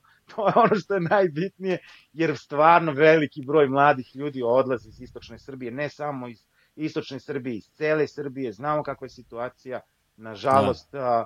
veliki broj ljudi odlazi iz naše zemlje. A, treća stvar, ukoliko dođe neko a, sa šest, preko 60 godina, tu do 70, uglavnom su pitanja vezana da sam ja sve pripremio za pomanu, da li je sve on to primio, da li je, da sam ceo ritual, da nešto nisam zaboravio, da li je sve to ok, da sam sve ispratio kako treba. A, I naravno tu je ona da pomogne ili da kaže, ja sam imao taj slučaj a, gde sam razgovarao, ja to volim da kažem prepaid sa svojim dedom, plati da. razgovaraš, a, i onda smo, ona mi je rekla kao pa fali mu još jedan sto, ja kao pa dobro, ali već smo tri stola namenili, znaš, valjda deda neće kafić da otvori gore. ali, ali dobro, jer a, u suštini uvek se nešto zaboravi da se nameni. I tu je ona da podsjeti, ako ne, onda naravno ti nakon a, pomane možeš da nameniš, da se to okadi, da će onda primi na ono svetu i onda si ti ispunio sav ritual tu. Jer uglavnom te žene znaju kako se prati obred od početka do kraja, znaju kako je stanje. A, da a, u toj zbrci previše naroda, previše svega, uglavnom se desi da se nešto zaboravi, izostavi i onda je sasvim normalno da ti tražiš savet i da pitaš od nekog ko je a, najveći poznavalac svega toga. E pa, još jedna stvar u vezi sa time, kako sam ih ja, kako sam ih ja nakon susreta sa Desankom definisao, a to je seoski psiholozi. E, zato što u tim sredinama koje su strašno male, prvenstveno, ovaj, kada neko ima veliki problem, emotivni problem, uh, duševni problem neki, koji, koji mu ili njoj ili njima ne da mira, zbog kojeg ne mogu da spavaju. Prosto doći kod nekoga u nečiji, nečiji prostor, u nečiju kuću, gde imaš pravo na intimu, gde imaš pravo na ispovest, gde možeš da kažeš nekome drugom i da se oslobodiš tog tereta ćutnje i čuvanja tajne, ovaj, neko da te sasluša i da znaš da je tvoja tajna sigurna sa tom osobom, to već ima uh, efekat seanse, terapeutske seanse u, u psihologiji, psihijatriji i tako dalje za početak. A druga stvar, ukoliko dolaziš iz te kulture i posjeduješ i u dolaziš iz te kulture imaš određeni stepen verovanja, jel te? Uh, ukoliko ti žena kaže da uradiš ovo, ovo i ovo, narednih ne znam koliko nedelja i da na onoj igranci koja dolazi za mesec dana ćeš smuvati tu famoznu devojku, ti ukoliko zaista veruješ u to i radiš taj ritual prema instrukcijama koje su ti date, tvoje samopouzdanje će da skoči. Samim time znaš, tvoja verovatnoća da ćeš zapravo uspeti u onome što si naumio, a s obzirom je da je užasno mala sredina i da nema puno ljudi i nije, nema velikog izbora, značajno skače a, verovat, verovatnoća da ćeš, da ćeš postići rezultat, što je takođe jedna od tajni njihovih uspeha. Nema tu zapravo onoga što mi kolokvijalno nazivamo magijom. A, slažem se u potpunosti sa tobom. A, I a, upravo sve to što si rekao, pravi seoski psiholog i jeste tako. Ja ću ispričati jednu a, anegdotu sa terena a, gde je žena stvarno imala problema u svom braku, a, svađala se stalno sa mužem, naravno on je radi u rudniku, ali isto pošto živi na selu, a, dođe kući, radi, radi kod kuće, mora da nabavi drva za zimu i a, da nahrani stoku, jako je težak život na, a, na samom selu, a, i oni su se pritom svađali, bio nemir u kući. Da. Ali sa, sreće je u tome što je ona otišla kod vračara i kao, eto, znaš, šta mi se sve dešava i sama, znaš, imam probleme, stalno se svađamo, rekla, ok, nije frka, rešit ti ja problem, a, samo mi donesi vodu sa sedam izvora, a, ova je to učinila, ona je izbajala i rekla je vračara kao, e sad me poslušaj dobro, kad on dođe s posla, ti mu postavi da on ruča, postavi onako tanjir, sve sipaj, a, ali ovu vodu što sam ja izbala, a, izbajala drži u ustima, nemoj slučajno da je progutaš dok on ne završi sa ruškom ova je to sve uradila, oni se više nikad nisu svađali. U stvari šta se desilo? naravno, ona nije gunđala dok je on ručao, on se čovjek naje odmorio, imao je tih nekih 10-15 minuta pauze, a, ona je sa sve to, a, sve to vreme čutala, nije bilo svađe i ostali su. Ali upravo to, autosugestija, deluje. A, naravno, isto, danas ljudi ne izlaze iz kuće. A, ne znam, pratio sam a, jedno, dve, tri godine šta se dešava na Facebooku, pa ovi lažni proroci i sve ostalo. Ali ono na što sam video a, jesu komentari koji se nalaze dole. Sa 90, u 90% slučajeva je ljubav problem. Ali šta rade? Oni su za kompjuterom i traži ženu. Mislim, nema od toga ništa.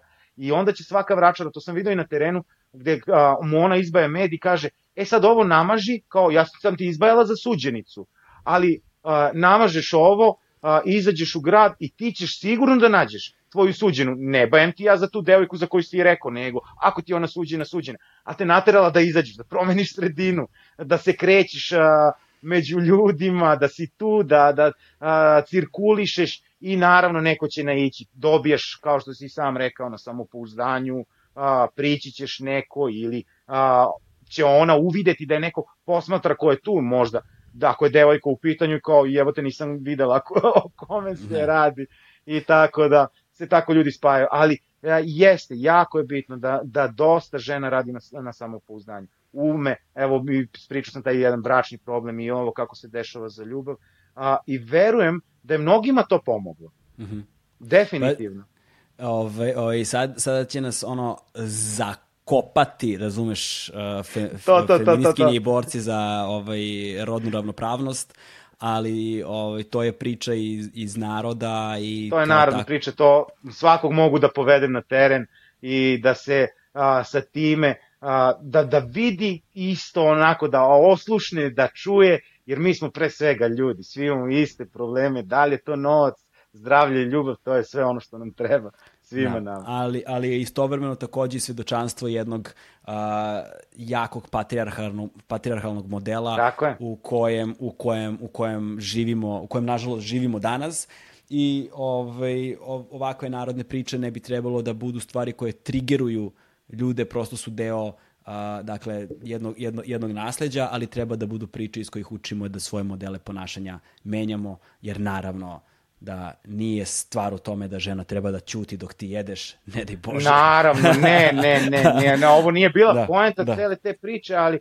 a, poenta je bila, pošto ona znala kakva da. je žena u stvari, a, poznaje se seoska sredina. Naravno, koliko dođe neka žena iz Slovenije, iz a, a, Bosne sa sličnim problemom, neće znati šta da joj kaže. To da, definitivno. Da, da ali gde je mala sredina, gde je seoska sredina, znači, to je moglo da se desi i sa muškarcem, u ovom slučaju Jasne. bila žena, a, ali jednostavno to su ti neki svakodnevni mali problemi. Mm. A, pitao sam, razgovarao sam i sa mojom prijateljicom Majom Iskjerdo Todorović, a, koja je a, iz Perua, tu je u Beogradu i dosta smo pričali na tu temu i ona je istraživala magijske oblike u Peru, u Amazoniji, kako to seoski šamani seoski vrač radi bukvalno isti princip.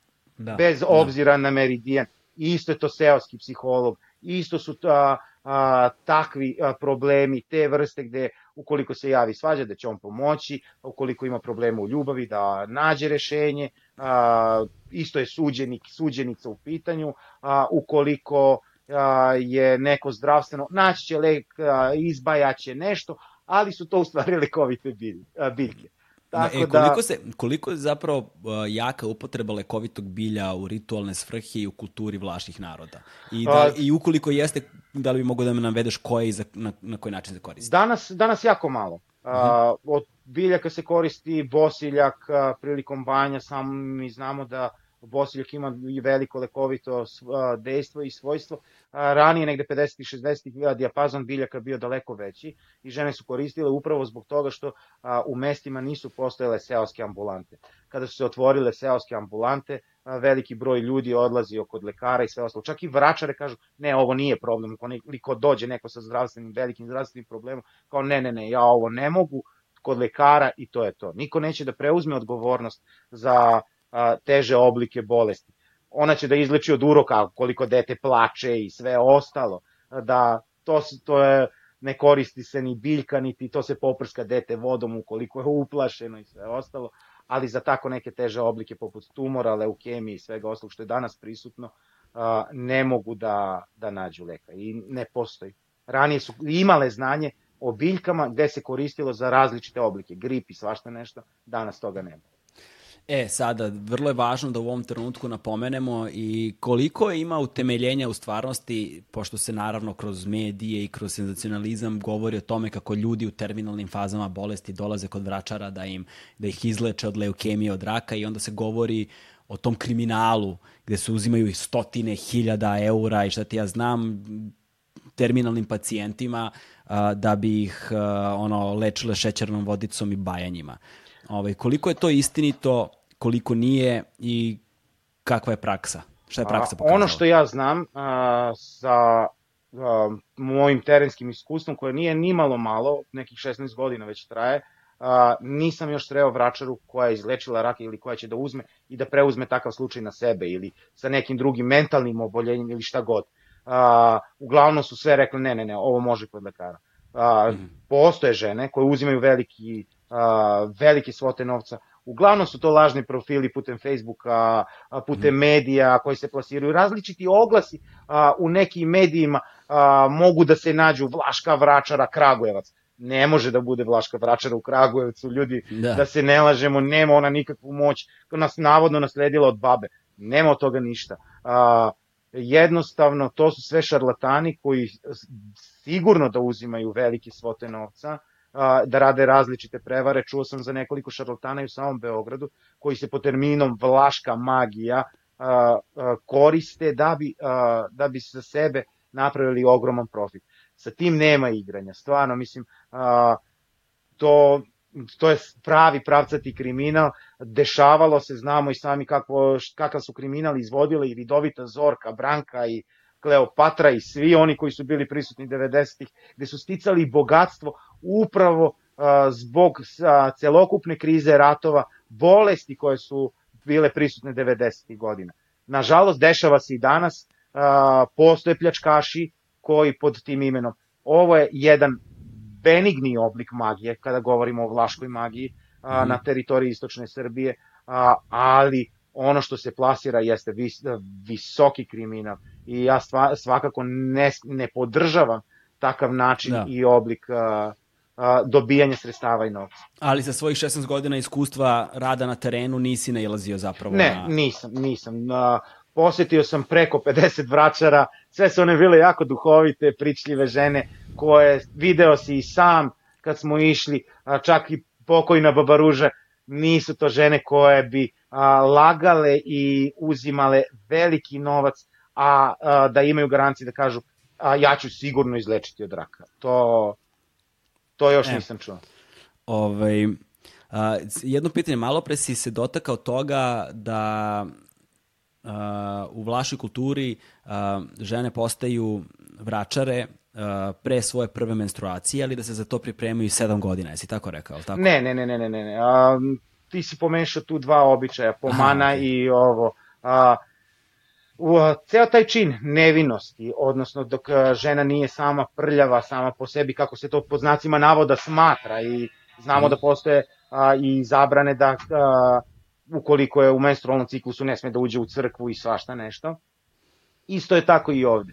A, jer upravo tada dete najmoćnije, čisto je, a onda dete ima moć a, i da prikupi znanje i da prihvati znanje, da uči u tom periodu. Znamo da se najbolje uči do, od sedme godine negde do 14. Posle toga a, re, sve što je naučeno samo se updateuje znanje. Da, da. A, tako da a, i upravo tada je dete zainteresovano a, i da sluša i sve ostalo. Naravno da će sanjati a, tri žene koje odrastaju upravo koliko i ona, jer a, ona je pothranjena tim pričama a, to je slušala od babe. Isto su kod njene babe došle tri žene, a, koje, koje su kao prenosile znanje. U stvari, baba je prenosila znanja, a, ona upija to znanje, odrasta, to je patrijarhalno domaćinstvo, a, gde su svi zajedno skupa, ne, a, kažem, opet, a, sve zavisi od čoveka koji želi da nauči. Nismo svi da. sposobni da učimo, niti želimo da učimo a, neko će biti, ne znam, a, rudar, neko će biti arheolog, ali iz, mm. iz iste porodice. Tako da sve da zavisi od čoveka. Da li postoji ritual kojim se zvanično postaje vračara? Ne, ne, ne, ne, definitivno. Ja nisam čuo da, da postoji neki ritual, ja, ne postoji papir neki gde će ona sada biti diplomirana vračara i da, ili, i da prođe neki ritual a, da je sada sazrela, da je naučila, pardon, da ima to znanje, da i sada kao, e, svi dolaze kod nje. Uglavnom se nešto dešava. A, a, ispričat ću ti, pre nekoliko godina, ima više od deseta godina, a, devojka jedna, ona je tada imala, ne znam, nekih, a, bila je šesti, sedmi razred, da te ne slažem, i da. onda ona a, počela da pada, imala je, navodno, padala je u trans, ja nisam imao priliku da upoznam a, tu devojčicu tada, a, i ona je krenula da pada u trans i da proriče šta će se desiti, da navodno priča sa mrtvima i ona je živela u selu Gornjane, a, mhm. između Bora i Majdanpeka, a, jedan čaroban prostor, priroda neverovatna, a, i, ovo, i ona je navodno pričala sa mrtvima i sve ostalo, kada sam odlazio u Topolnicu gde je isto žena padala u trans kao ona je govorila, pojavila se neka ka Boru koja će da me nasledi one nisu imale stvarno nikakve veze. Vrlo verovatno da je ova čula posredstvom, jer Majdanpek je mala opština, nismo mi, da, da. niti su sela daleko jedno od drugih, a, i tako da ona predstavila to u svojim kao navodno vizijama. A, nažalost, ona nije nastavila, njeni su je zabranjivali, tako da ona više nije padala u trans. A, da, ali da. se pročulo da žena, da je padalica, da će biti od nje, da će biti jaka vračara kad odraste. U stvari toga ništa nije bilo na kraju. A, danas nema više žena koje padaju trans. Eto to da te obavestim do kad si ti bio i kad smo tada snimali, tada je već bilo nekoliko žena. A, Mila koja je padala do skoro u trans, ona je preminula prošle godine i sada više žena padalice nema. Dakle, kao što smo... ja znam, možda. Da, kao što, smo re, kao što smo rekli na početku, uh, vlasti na zalasku sunca, veliki deo vlaške kulture je ostao, to ono preko 90% je ostao trenutno živi isključivo uh, kroz uh, njihov trenutno živi isključivo kroz populaciju koja je izuzetno stara i oni kada budu umrli uh, nije da. ostalo puno njih koji će naslediti tu vlašu kulturu i ona će, nažalost, zauvek nestati. Zauvek. Tako, tako ste vi tu zapravo da sačuvate to nematerijalno kulturno nasledđe. Da, e sad, tako je. Tako je. E sada, sada, da, sada pomenamo, o, sad, sada si pomenuo si takozvane padalice, a, malo pre a, si pomenjao po, termin koji ljudi verovatno ne znaju, to su šojmane. Tako. Jesu šojmane ili šojmanke? Um, ja koristim i jedan i drugi termin, tako da ništa nisam okay. pogrešio. da. Um, objasni ljudima šta su šojmane, odnosno šta su šojmanke i ovaj, koja je njihova uloga i, i, i, i njihovu etimologiju. Pa verujem da su tvoji već i slušaoci i gledaoci pretpostavili o čemu se radi. A, koren reči je isti. Šaman, šojman, šamanka, šojmanka. A, ko, da kažem, uh, isti je termin i ima isto značenje, gde će uz uh, pesmu i igru da dovede sebe u stanje transa i da padne u trans i da uh, priča uh, o budućnosti, ali isto tako da bude uh, posrednik između ovog i onog sveta, odnosno da razgovara uh, sa mrtvima i da znamo šta, šta je sve njima potrebno, šta sve koje a, treba, a, šta sve treba da ispunimo da bi oni bili zadovoljni na ovom svetu ili koje su njihove potrebne, šta, šta oni nemaju, a da mi namenimo ovde, a da bi oni to dobili. Da se to radi o odeći, novcu, možda nekom duguju, mi čak i tako verovanje imamo da je nekom dužan novac na onom svetu pa mu treba za nešto i onda se nameni novac ili mu nije na, namenjen novac i stavljen s njim a, prilikom sahrane. A, e, a, sada one... šamanka, da, da samo završim ovo i da, da objasnim, a, one kreću isto kao i vračare, da a, stiču svoje znanje negde od sedme godine, po njih dolaze i navodno ih a, odnose a, šamanke, kod Ivanke je bio primer koja je živela u Topolnici i živi dana žena nego je prestala da pada u trans, a, a, nju su bukvalno kao Mirča Elijada da je opisao penjuje na krušku, ona je sa svojim sestrama igra i onda priča, to može da se vidi na YouTube a, a, YouTube kanalu Pauna Durlića, a, gde smo to snimali još negde 2006-2007 godine a, i ona je na specijalne dane padla u trans. Razlika koje, je... Koje dane? A, bogojavljanje, Petrovdan a, i još jedan, zaboravio sam, davno je bilo. A, onda za razliku od dubočkih rusalja koje su padale samo na trojicu. 50 ih je prestalo, sada je to samo folklornog karaktera. A, mnoge žene koje su padale u trans u selu Duboka nisu proricale ni budućnost, niti su pričale sa, sa ženam, sa mrtvima, nego su a, ležale ošamućene i onda se igralo kolo Dudorka ili Tudorka, polivane su vodom a, preko sablji i onda su se one budile na taj način iz transa. A, Veliki broj a, tih a, za šojmanke, to se uglavnom dešavalo to na livadama i na proplancima, je li tako? Tako, a tako. rusalje u pećinama. A, ispred pećine, na tom, a, dok ovo je u kućnoj varijanti. Mila je, na primer, a, što se Mile tiče, ona je na trojicu takođe padala, ali ona a, kao zna kad će da padne i ode u sobu i legne i to je to. I onda ona u transu, ti prilaziš, moraš da nosiš a, cveće i da zapališ sveću i ona na taj način komunicira sa mrtvima. A, Ivanka je, a, kažem, kao da sam bio prisutan, a, ne znam, u Sibiru negde i, a, i gledao ritual gde ona igrom i pesmom dovodi sebe u stanje transa.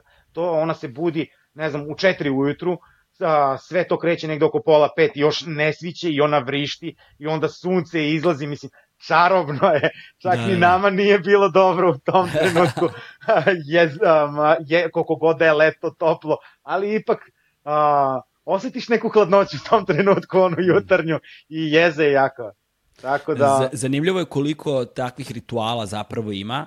Uh, ja sam, ljudi to verovatno ne znaju, ali mene ovakve stvari dosta zanimaju i putovao sam puno pokušavajući da se upoznam sa ljudima koji a, praktikuju bilo kakvu vrstu misticizma.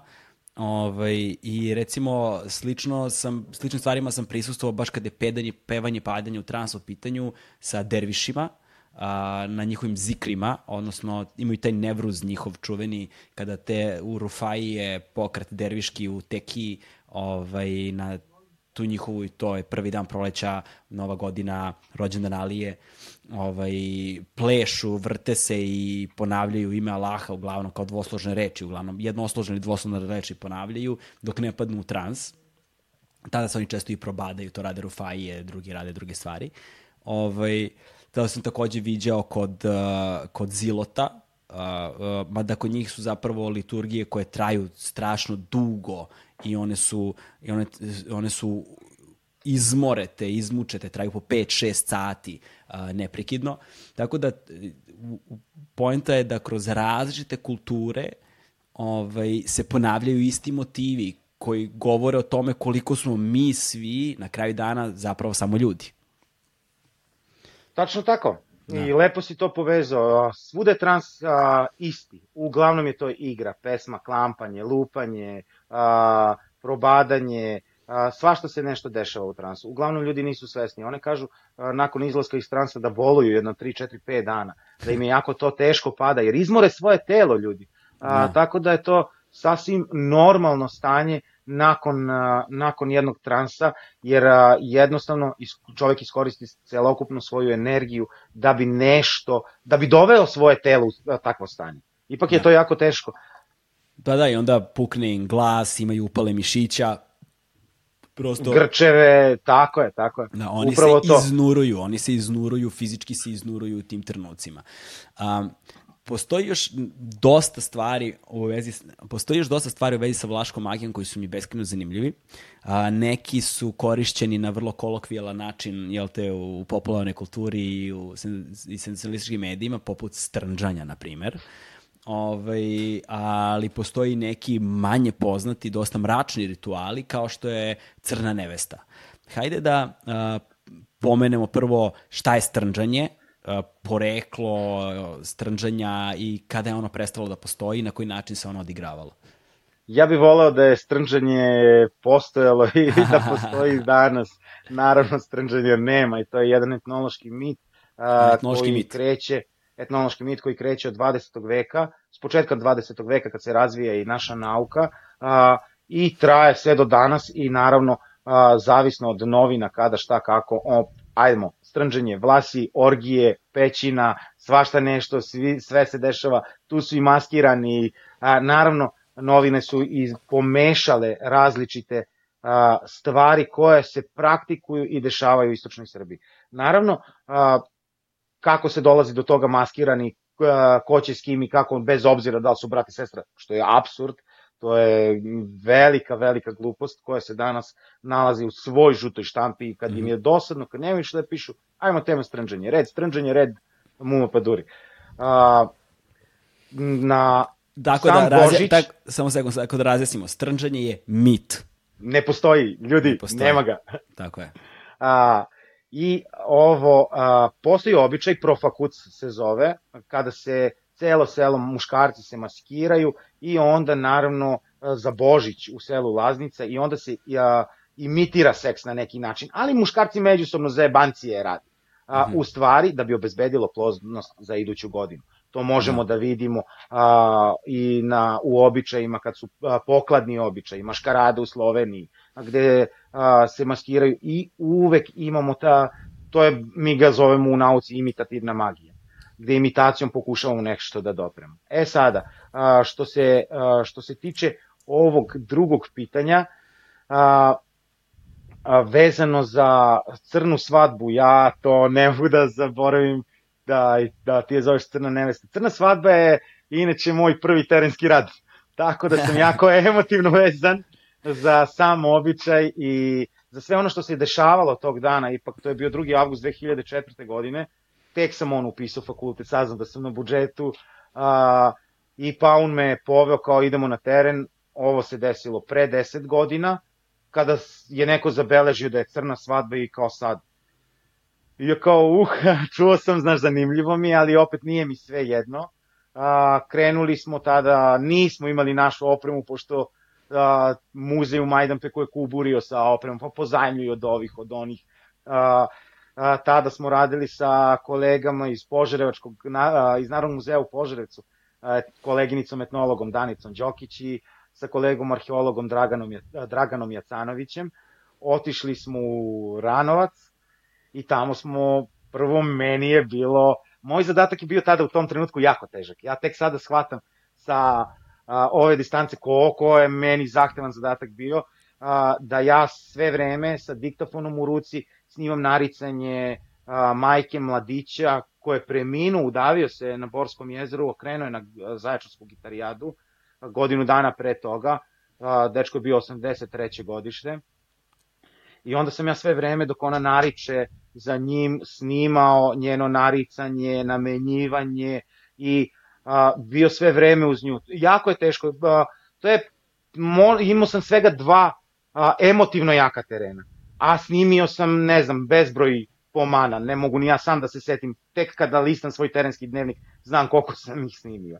No. A, I onda mi je to jako bio emotivno težak trenutak, jer iako ne znam tog dečka, iako ga nikada nisam upoznao, a, bilo mi je jako teško da sve to snimam, jer ipak je on samo godinu dana stariji od mene bio.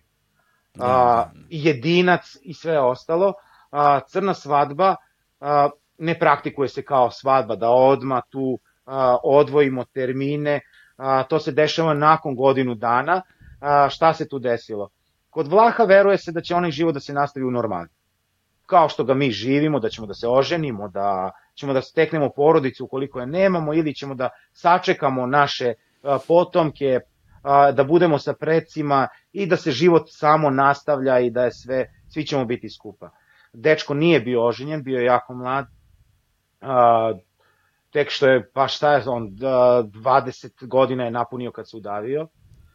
I a, a, njegova baba je nakon sahrane sanjala da je on sebi našao ženu na onom svetu i da živi sa njom, ali ne može da nastavi život ukoliko on a, ne bude bio venčani na ovom ži, a, svetu. Nisu oni venčali u crkvi ili u opštini, da to odma isto, da ljudi ne pomisle a, da sada i onda su oni pitali ko bi pristao. On je ta, u to vreme, pre nego što se udavio, imao devojku, naravno devojka nije pristala, jer a, godinu dana ne sme da stupi ni sa kim u bilo kakav a, odnos, ljubavni, seksualni, niti da se poljubi sa nekim, niti bilo šta. Da šikuje. Upravo.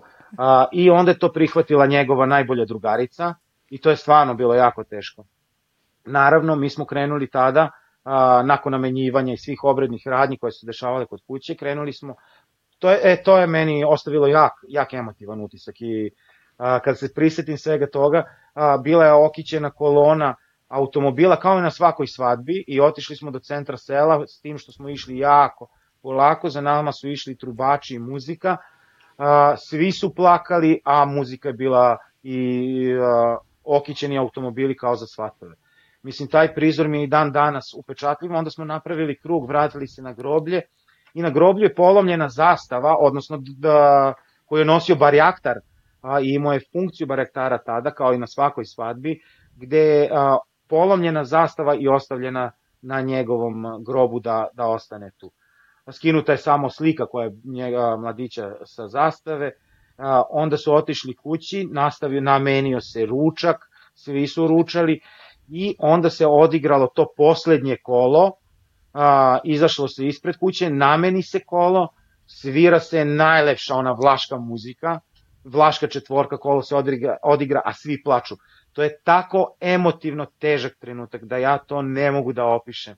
A, nakon toga ja više nisam imao priliku da snimim niti da prisustvujem nekoj crnoj svadbi, jer a, to su običaje koji se stvarno redko dešavaju. Ja ni ne znam da ću u daljoj karijeri ikada prisustvovati jednom takvom običaju. A, deša, i, izvini, a, ima, bio je običaj 90-ih, ja sam tu ženu upoznao i pričao sa njim koja je otkopala svog sina nakon 40 dana, veru, a, verujući da će tako da ga sunce dva, kad ga sunce dva puta ogreje, da će on direktno otići u raj. Uh, mislim, mi, da, video sam i slike sa tog uh, običaja, to se praktikovalo sad ispre 100 godina. Ona je to samo čula, ali naravno žena je htela da učini sve za svog sina. Tako da su to jako teški trenuci i kažem, pominjem, imao sam u Zlotu isto tako, jedan jako emotivno težak teren, gde je devojka koja je rođena istog dana kad ja igram slučaja, a, preminula od e, tumora i izgubila tada i dete i oboje su preminuli, gde njena majka kao, jao dete, koliko vi fizički ličite i ovako i kao i po govoru, kao da sam videla svoju čerku. I ja kažem, to su stvarno bili meni emotivno teški tereni, a, dok na drugim terenima nekako to izgleda sasvim drugačije, spontanije i a, sve ostalo, ali kada je neko mlad a, i kada se vidi sva tuga i boli, šta su sve a, ljudi i porodica pripremili a, samo da bi on na onom svetu bio zadovoljen. To je stvarno jako teško. Um, kada govorimo o vlašoj kulturi, kada govorimo uh, o tim magijskim elementima i o vračarama i ritualima koji smo pomenuli sad već ne znam nikoliko, uh, koliko, koji broj ljudi je ostao trenutno, da li se zna, da li se pretpostavlja na terenu, koji praktikuju uh, vlašku magiju i koji praktikuju tradicionalne rituale vlaške kulture? Pa, iskreno, u svakoj opštini ima po jedna do dve, tri vračare, ajde, ali nije to više kao što je nekada bilo da u svakom selu ima po dve, tri. Da. Tako da, a, uglavnom su to stariji ljudi koji imaju čak a, preko 80 godina, a, baba Marija ima 83, koja živi nedaleko od a, Bora a, onda a, ovaj slepi Ilija a, Adamović koji isto a, živi kod a, u podnožju planine Deli Jovan, on je 35. godište. Tako da, mislim, kada računamo i kada shvatimo, to je stara populacija. E, upravo dolazimo na onu priču, nema šanse on da kaže da će da izleči od nekog od raka i da, da uzme veliki novac. Da, A da, pritom da. je sve, slep sam živi, tako da ljudi dolaze. A, I zapravo za... govorimo o tome do narednih deseta godina. Neće biti su... definitivno. Da. Neće, neće biti ni jedna vlaška vračara, evo sada, ja ne znam osobu koja pada u trans. A ranije ih je bilo. Tako da. da, da će se definitivno izgubiti. Ja verujem da za 50 godina, ukoliko se nešto ne promeni na nekom a, nacionalnom planu, možda i manje, mi ćemo zaboraviti naš jezik. Neće biti više vlaškog jezika, nema ga, gubi se pored same vlaške kulture koju smo posvetili al celu emisiju, pošto se polako približavamo kraju, voleo bih da pomenemo još neke zanimljive elemente o kojima smo a, razgovarali i kojima ću posvetiti neki od budućih podcasta. Jedan je ovaj, samo da pokažem. Dakle, ima ova knjiga koja nosi naziv Sunce Lepenskog vira za one koji samo slušaju podcast. Ovaj, to smo ti i ja pričali o tom fenomenu pre nekoliko godina. Da li bi Tako bio je. dovoljno uh, ljubazan da ga pomeneš? A, naravno, fenomen koji se dešava 21. juna na Solisticijum a, i kada se pogleda sa lokaliteta Lepenski vir na brdo Treskovac, stvarno je fantastičan događaj. A, kada se vidi kako izlazi. Ja sam imao tu sreću dok sam radio televiziji da vidim, jer uglavnom se dešava da 21. juna na Solisticijum bude kišno, ne može se vidi sunce. Imali smo kolega i ja sreću da vidimo to i stvarno a, izgleda da se da sunce dva puta izlazi a, i neverovatan je osjećaj. A, pretpostavlja se da a, je upravo u vreme kada su lepenci živeli tu, da su oni posmatrali tog sunca i znali su da će Moruna doći i obezbediti sebi hranu, da imaju a, dobar i bogat ulov i posmatrali su i mi danas pratimo kalendar, tako da su, njima je Treskavac bio kalendar, tako da pretpostavljam da jesu definitivno pratili sunce, vidimo to i na ostalim lokalitetima poput Stonehenge-a i a, ostalim lokalitetima u svetu. On, ukoliko se ta ukoliko sad ja ne znam da li je ta pretpostavka dokazana ili nije, ali ukoliko... nije trenutno nije dokazana, to je samo pretpostavka a, tako da jednostavno treba ispitati, pratiti dugi niz godina, ali isto tako spustiti se na nivo gde je bio nekada Lepenski vir. A, pošto je, znamo da je lokalitet izmešten. Treba videti kako je izgledao lokalitet 100 metara niže da se utvrdi da li su oni videli isto tako sunce ili ne, kao što mi vidimo sa mesta gde je lokalitet danas. A ukoliko se ta pretpostavka pokaže tačnom, ta hipoteza pokaže tačnom, ona revolucionarno menja naše znanje o istoriji astronomije u suštini. Upravo tako. Onda mi imamo star kalendar iz 10. milenijuma, 11. Mislim, to je neverovatno. A, jer moramo da računamo i na kulturu koja je tu bila i pre Lepenskog vira, to radi se o vlasa, vlasačkoj kulturi koja se nalazi na lokalitetu Vlasac koja je svega par jedan kilometar daleko od Lepenskog vira, a starija je kultura. Tako da, to bi bilo divno. Voleo bih da se dokaže tako. I za kraj mi ispričaj uh, još jedan fenomen kojim si se bavio posljednjih nekoliko godina, a to, su, to je jedna vrlo čudna uh, naseobina uh, uh, naroda ruskog porekla. A, jeste, jeste. Pa nisu oni ruskog, oni samo žive na teritoriji Ruske federacije danas a, i živeli su a, ranije, a, radi se o Čerkezima koji su nažalost na prevaru a, 1860. i ranije proterani sa svog a, ognjišta, a, njih 260.000 u tom trenutku je proterano a, iz podnožja Kavkaza i da su došli na teritoriju a, Srbije. Odnosno, a, oni su bili izigrani tako što se ruski car i a, ovo turski a, a, turski sultan dogovorili da želi, naravno, ruski car Kavkaz bez ljudi sa Kavkaza i bez muslimana, a, pod prevaru da brane zapadne granice Otomanskog carstva, oni su došli u Srbiju. A, veliki broj toponima i dan danas ima u okolini Knjaževca, Zaječara, jer su oni Dunav prešli kod Kladova i spuštali su se sve niže i došli su Donje Stanovce na teritoriju a, Kosova I meni je tu a, interesantna jedna anegdota kad kaže a, ovaj a, a, gospodin Caj, kaže, kako mi je deda pričao, kao krave su tu pasle, ali ujutro kad se probudili, njuške su im bile crvene, kao ja, neka bolest.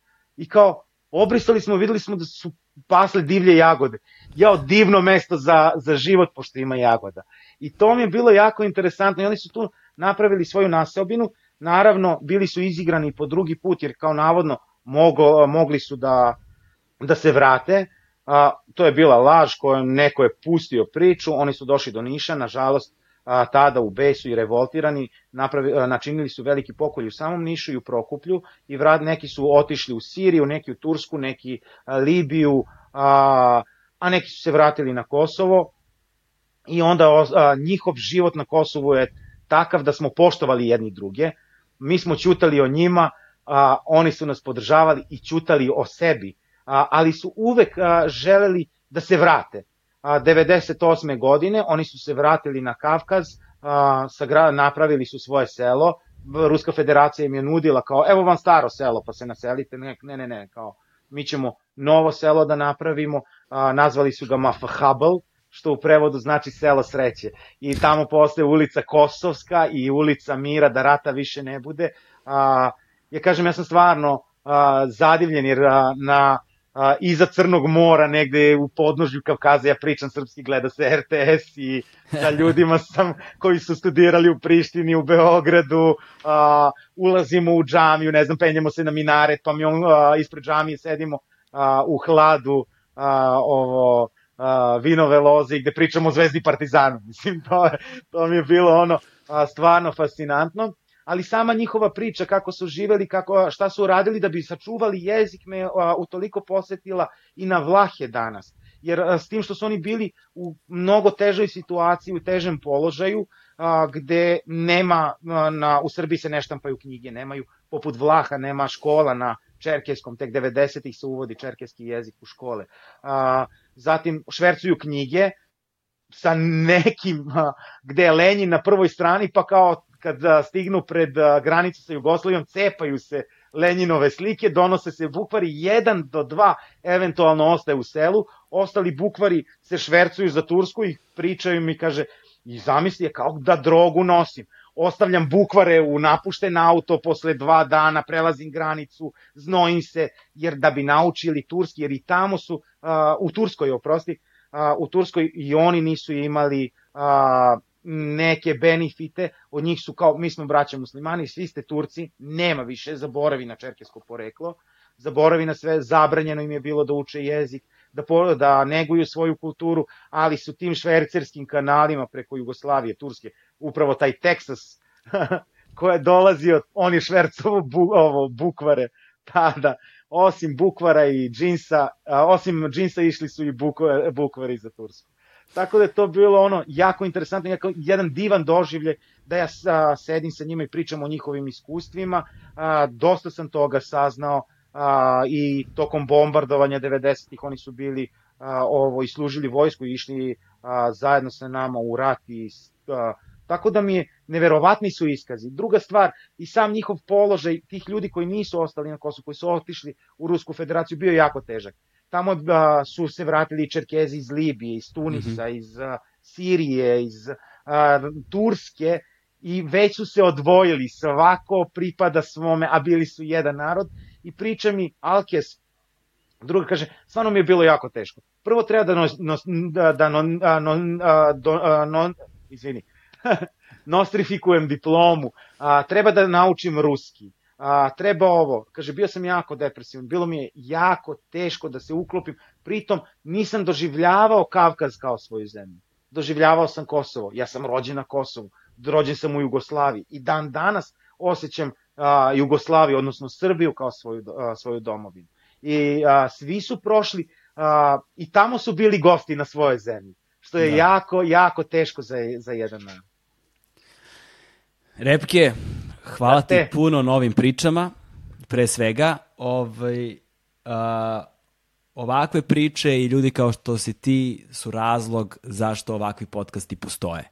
Zato što mislim da je nužno da pokažemo ljudima danas a, da bez obzira na celokupnu oko, celokupne okolnosti koje se dešavaju u ovoj zemlji a, i dalje postoje dobri i kvalitetni ljudi koji se bave dobrim i kvalitetnim radom i koji donose dobre i važne priče za koje, nažalost, vrlo malo ljudi zna. A ti si definitivno jedna od tih osoba.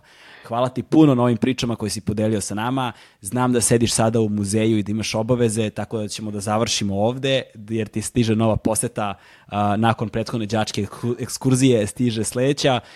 Tako da srećno u ostatku radnog dana. Hvala ti puno na ovim pričama i nadam se da ćemo se vidjeti uskoro kada se završi ova pandemija. Hvala tebi na ovako divnoj završnici. Znači, sad sam pocrvenao, nije mi dobro, napali me skroz. Znači, jesmo drugari, ali hvala, ajde, hvala ajde. do neba. A, ništa, hvala ti puno. Još jednom se zahvaljujem, pozdravi porodicu. Hoću, ajde, hoću, a, i, hoću. A, da nastaviš ovim putem, to ti želim svim srcima, ti je do jaja podcast. Hvala kućo, uzdravlje, ljubi brat. Vidimo se, brat. stigli smo do samog kraja a, i još jednom da vas podsjetim, ukoliko želite da podržite naš podcast, a, to možete da uradite, uradite jednokratnim donacijama preko Paypala, možete da uradite mesečnim pretplatama preko Patreona i so, kao što sam rekao na samom početku, više od 70% vas koji redovno slušaju naš podcast, slušate naš podcast, niste subscribe-ovani na naš kanal, tako da molim vas lupite taj subscribe, thumbs up, lajkujte, šerujte, šta sve treba, treba da se uradi ukoliko vam se sadržaj dopada. Pomozite nam da raširimo uh, ovaj kanal na što više slušalaca. Hvala vam puno svima i stigli smo do samog kraja. To je to. Ćao.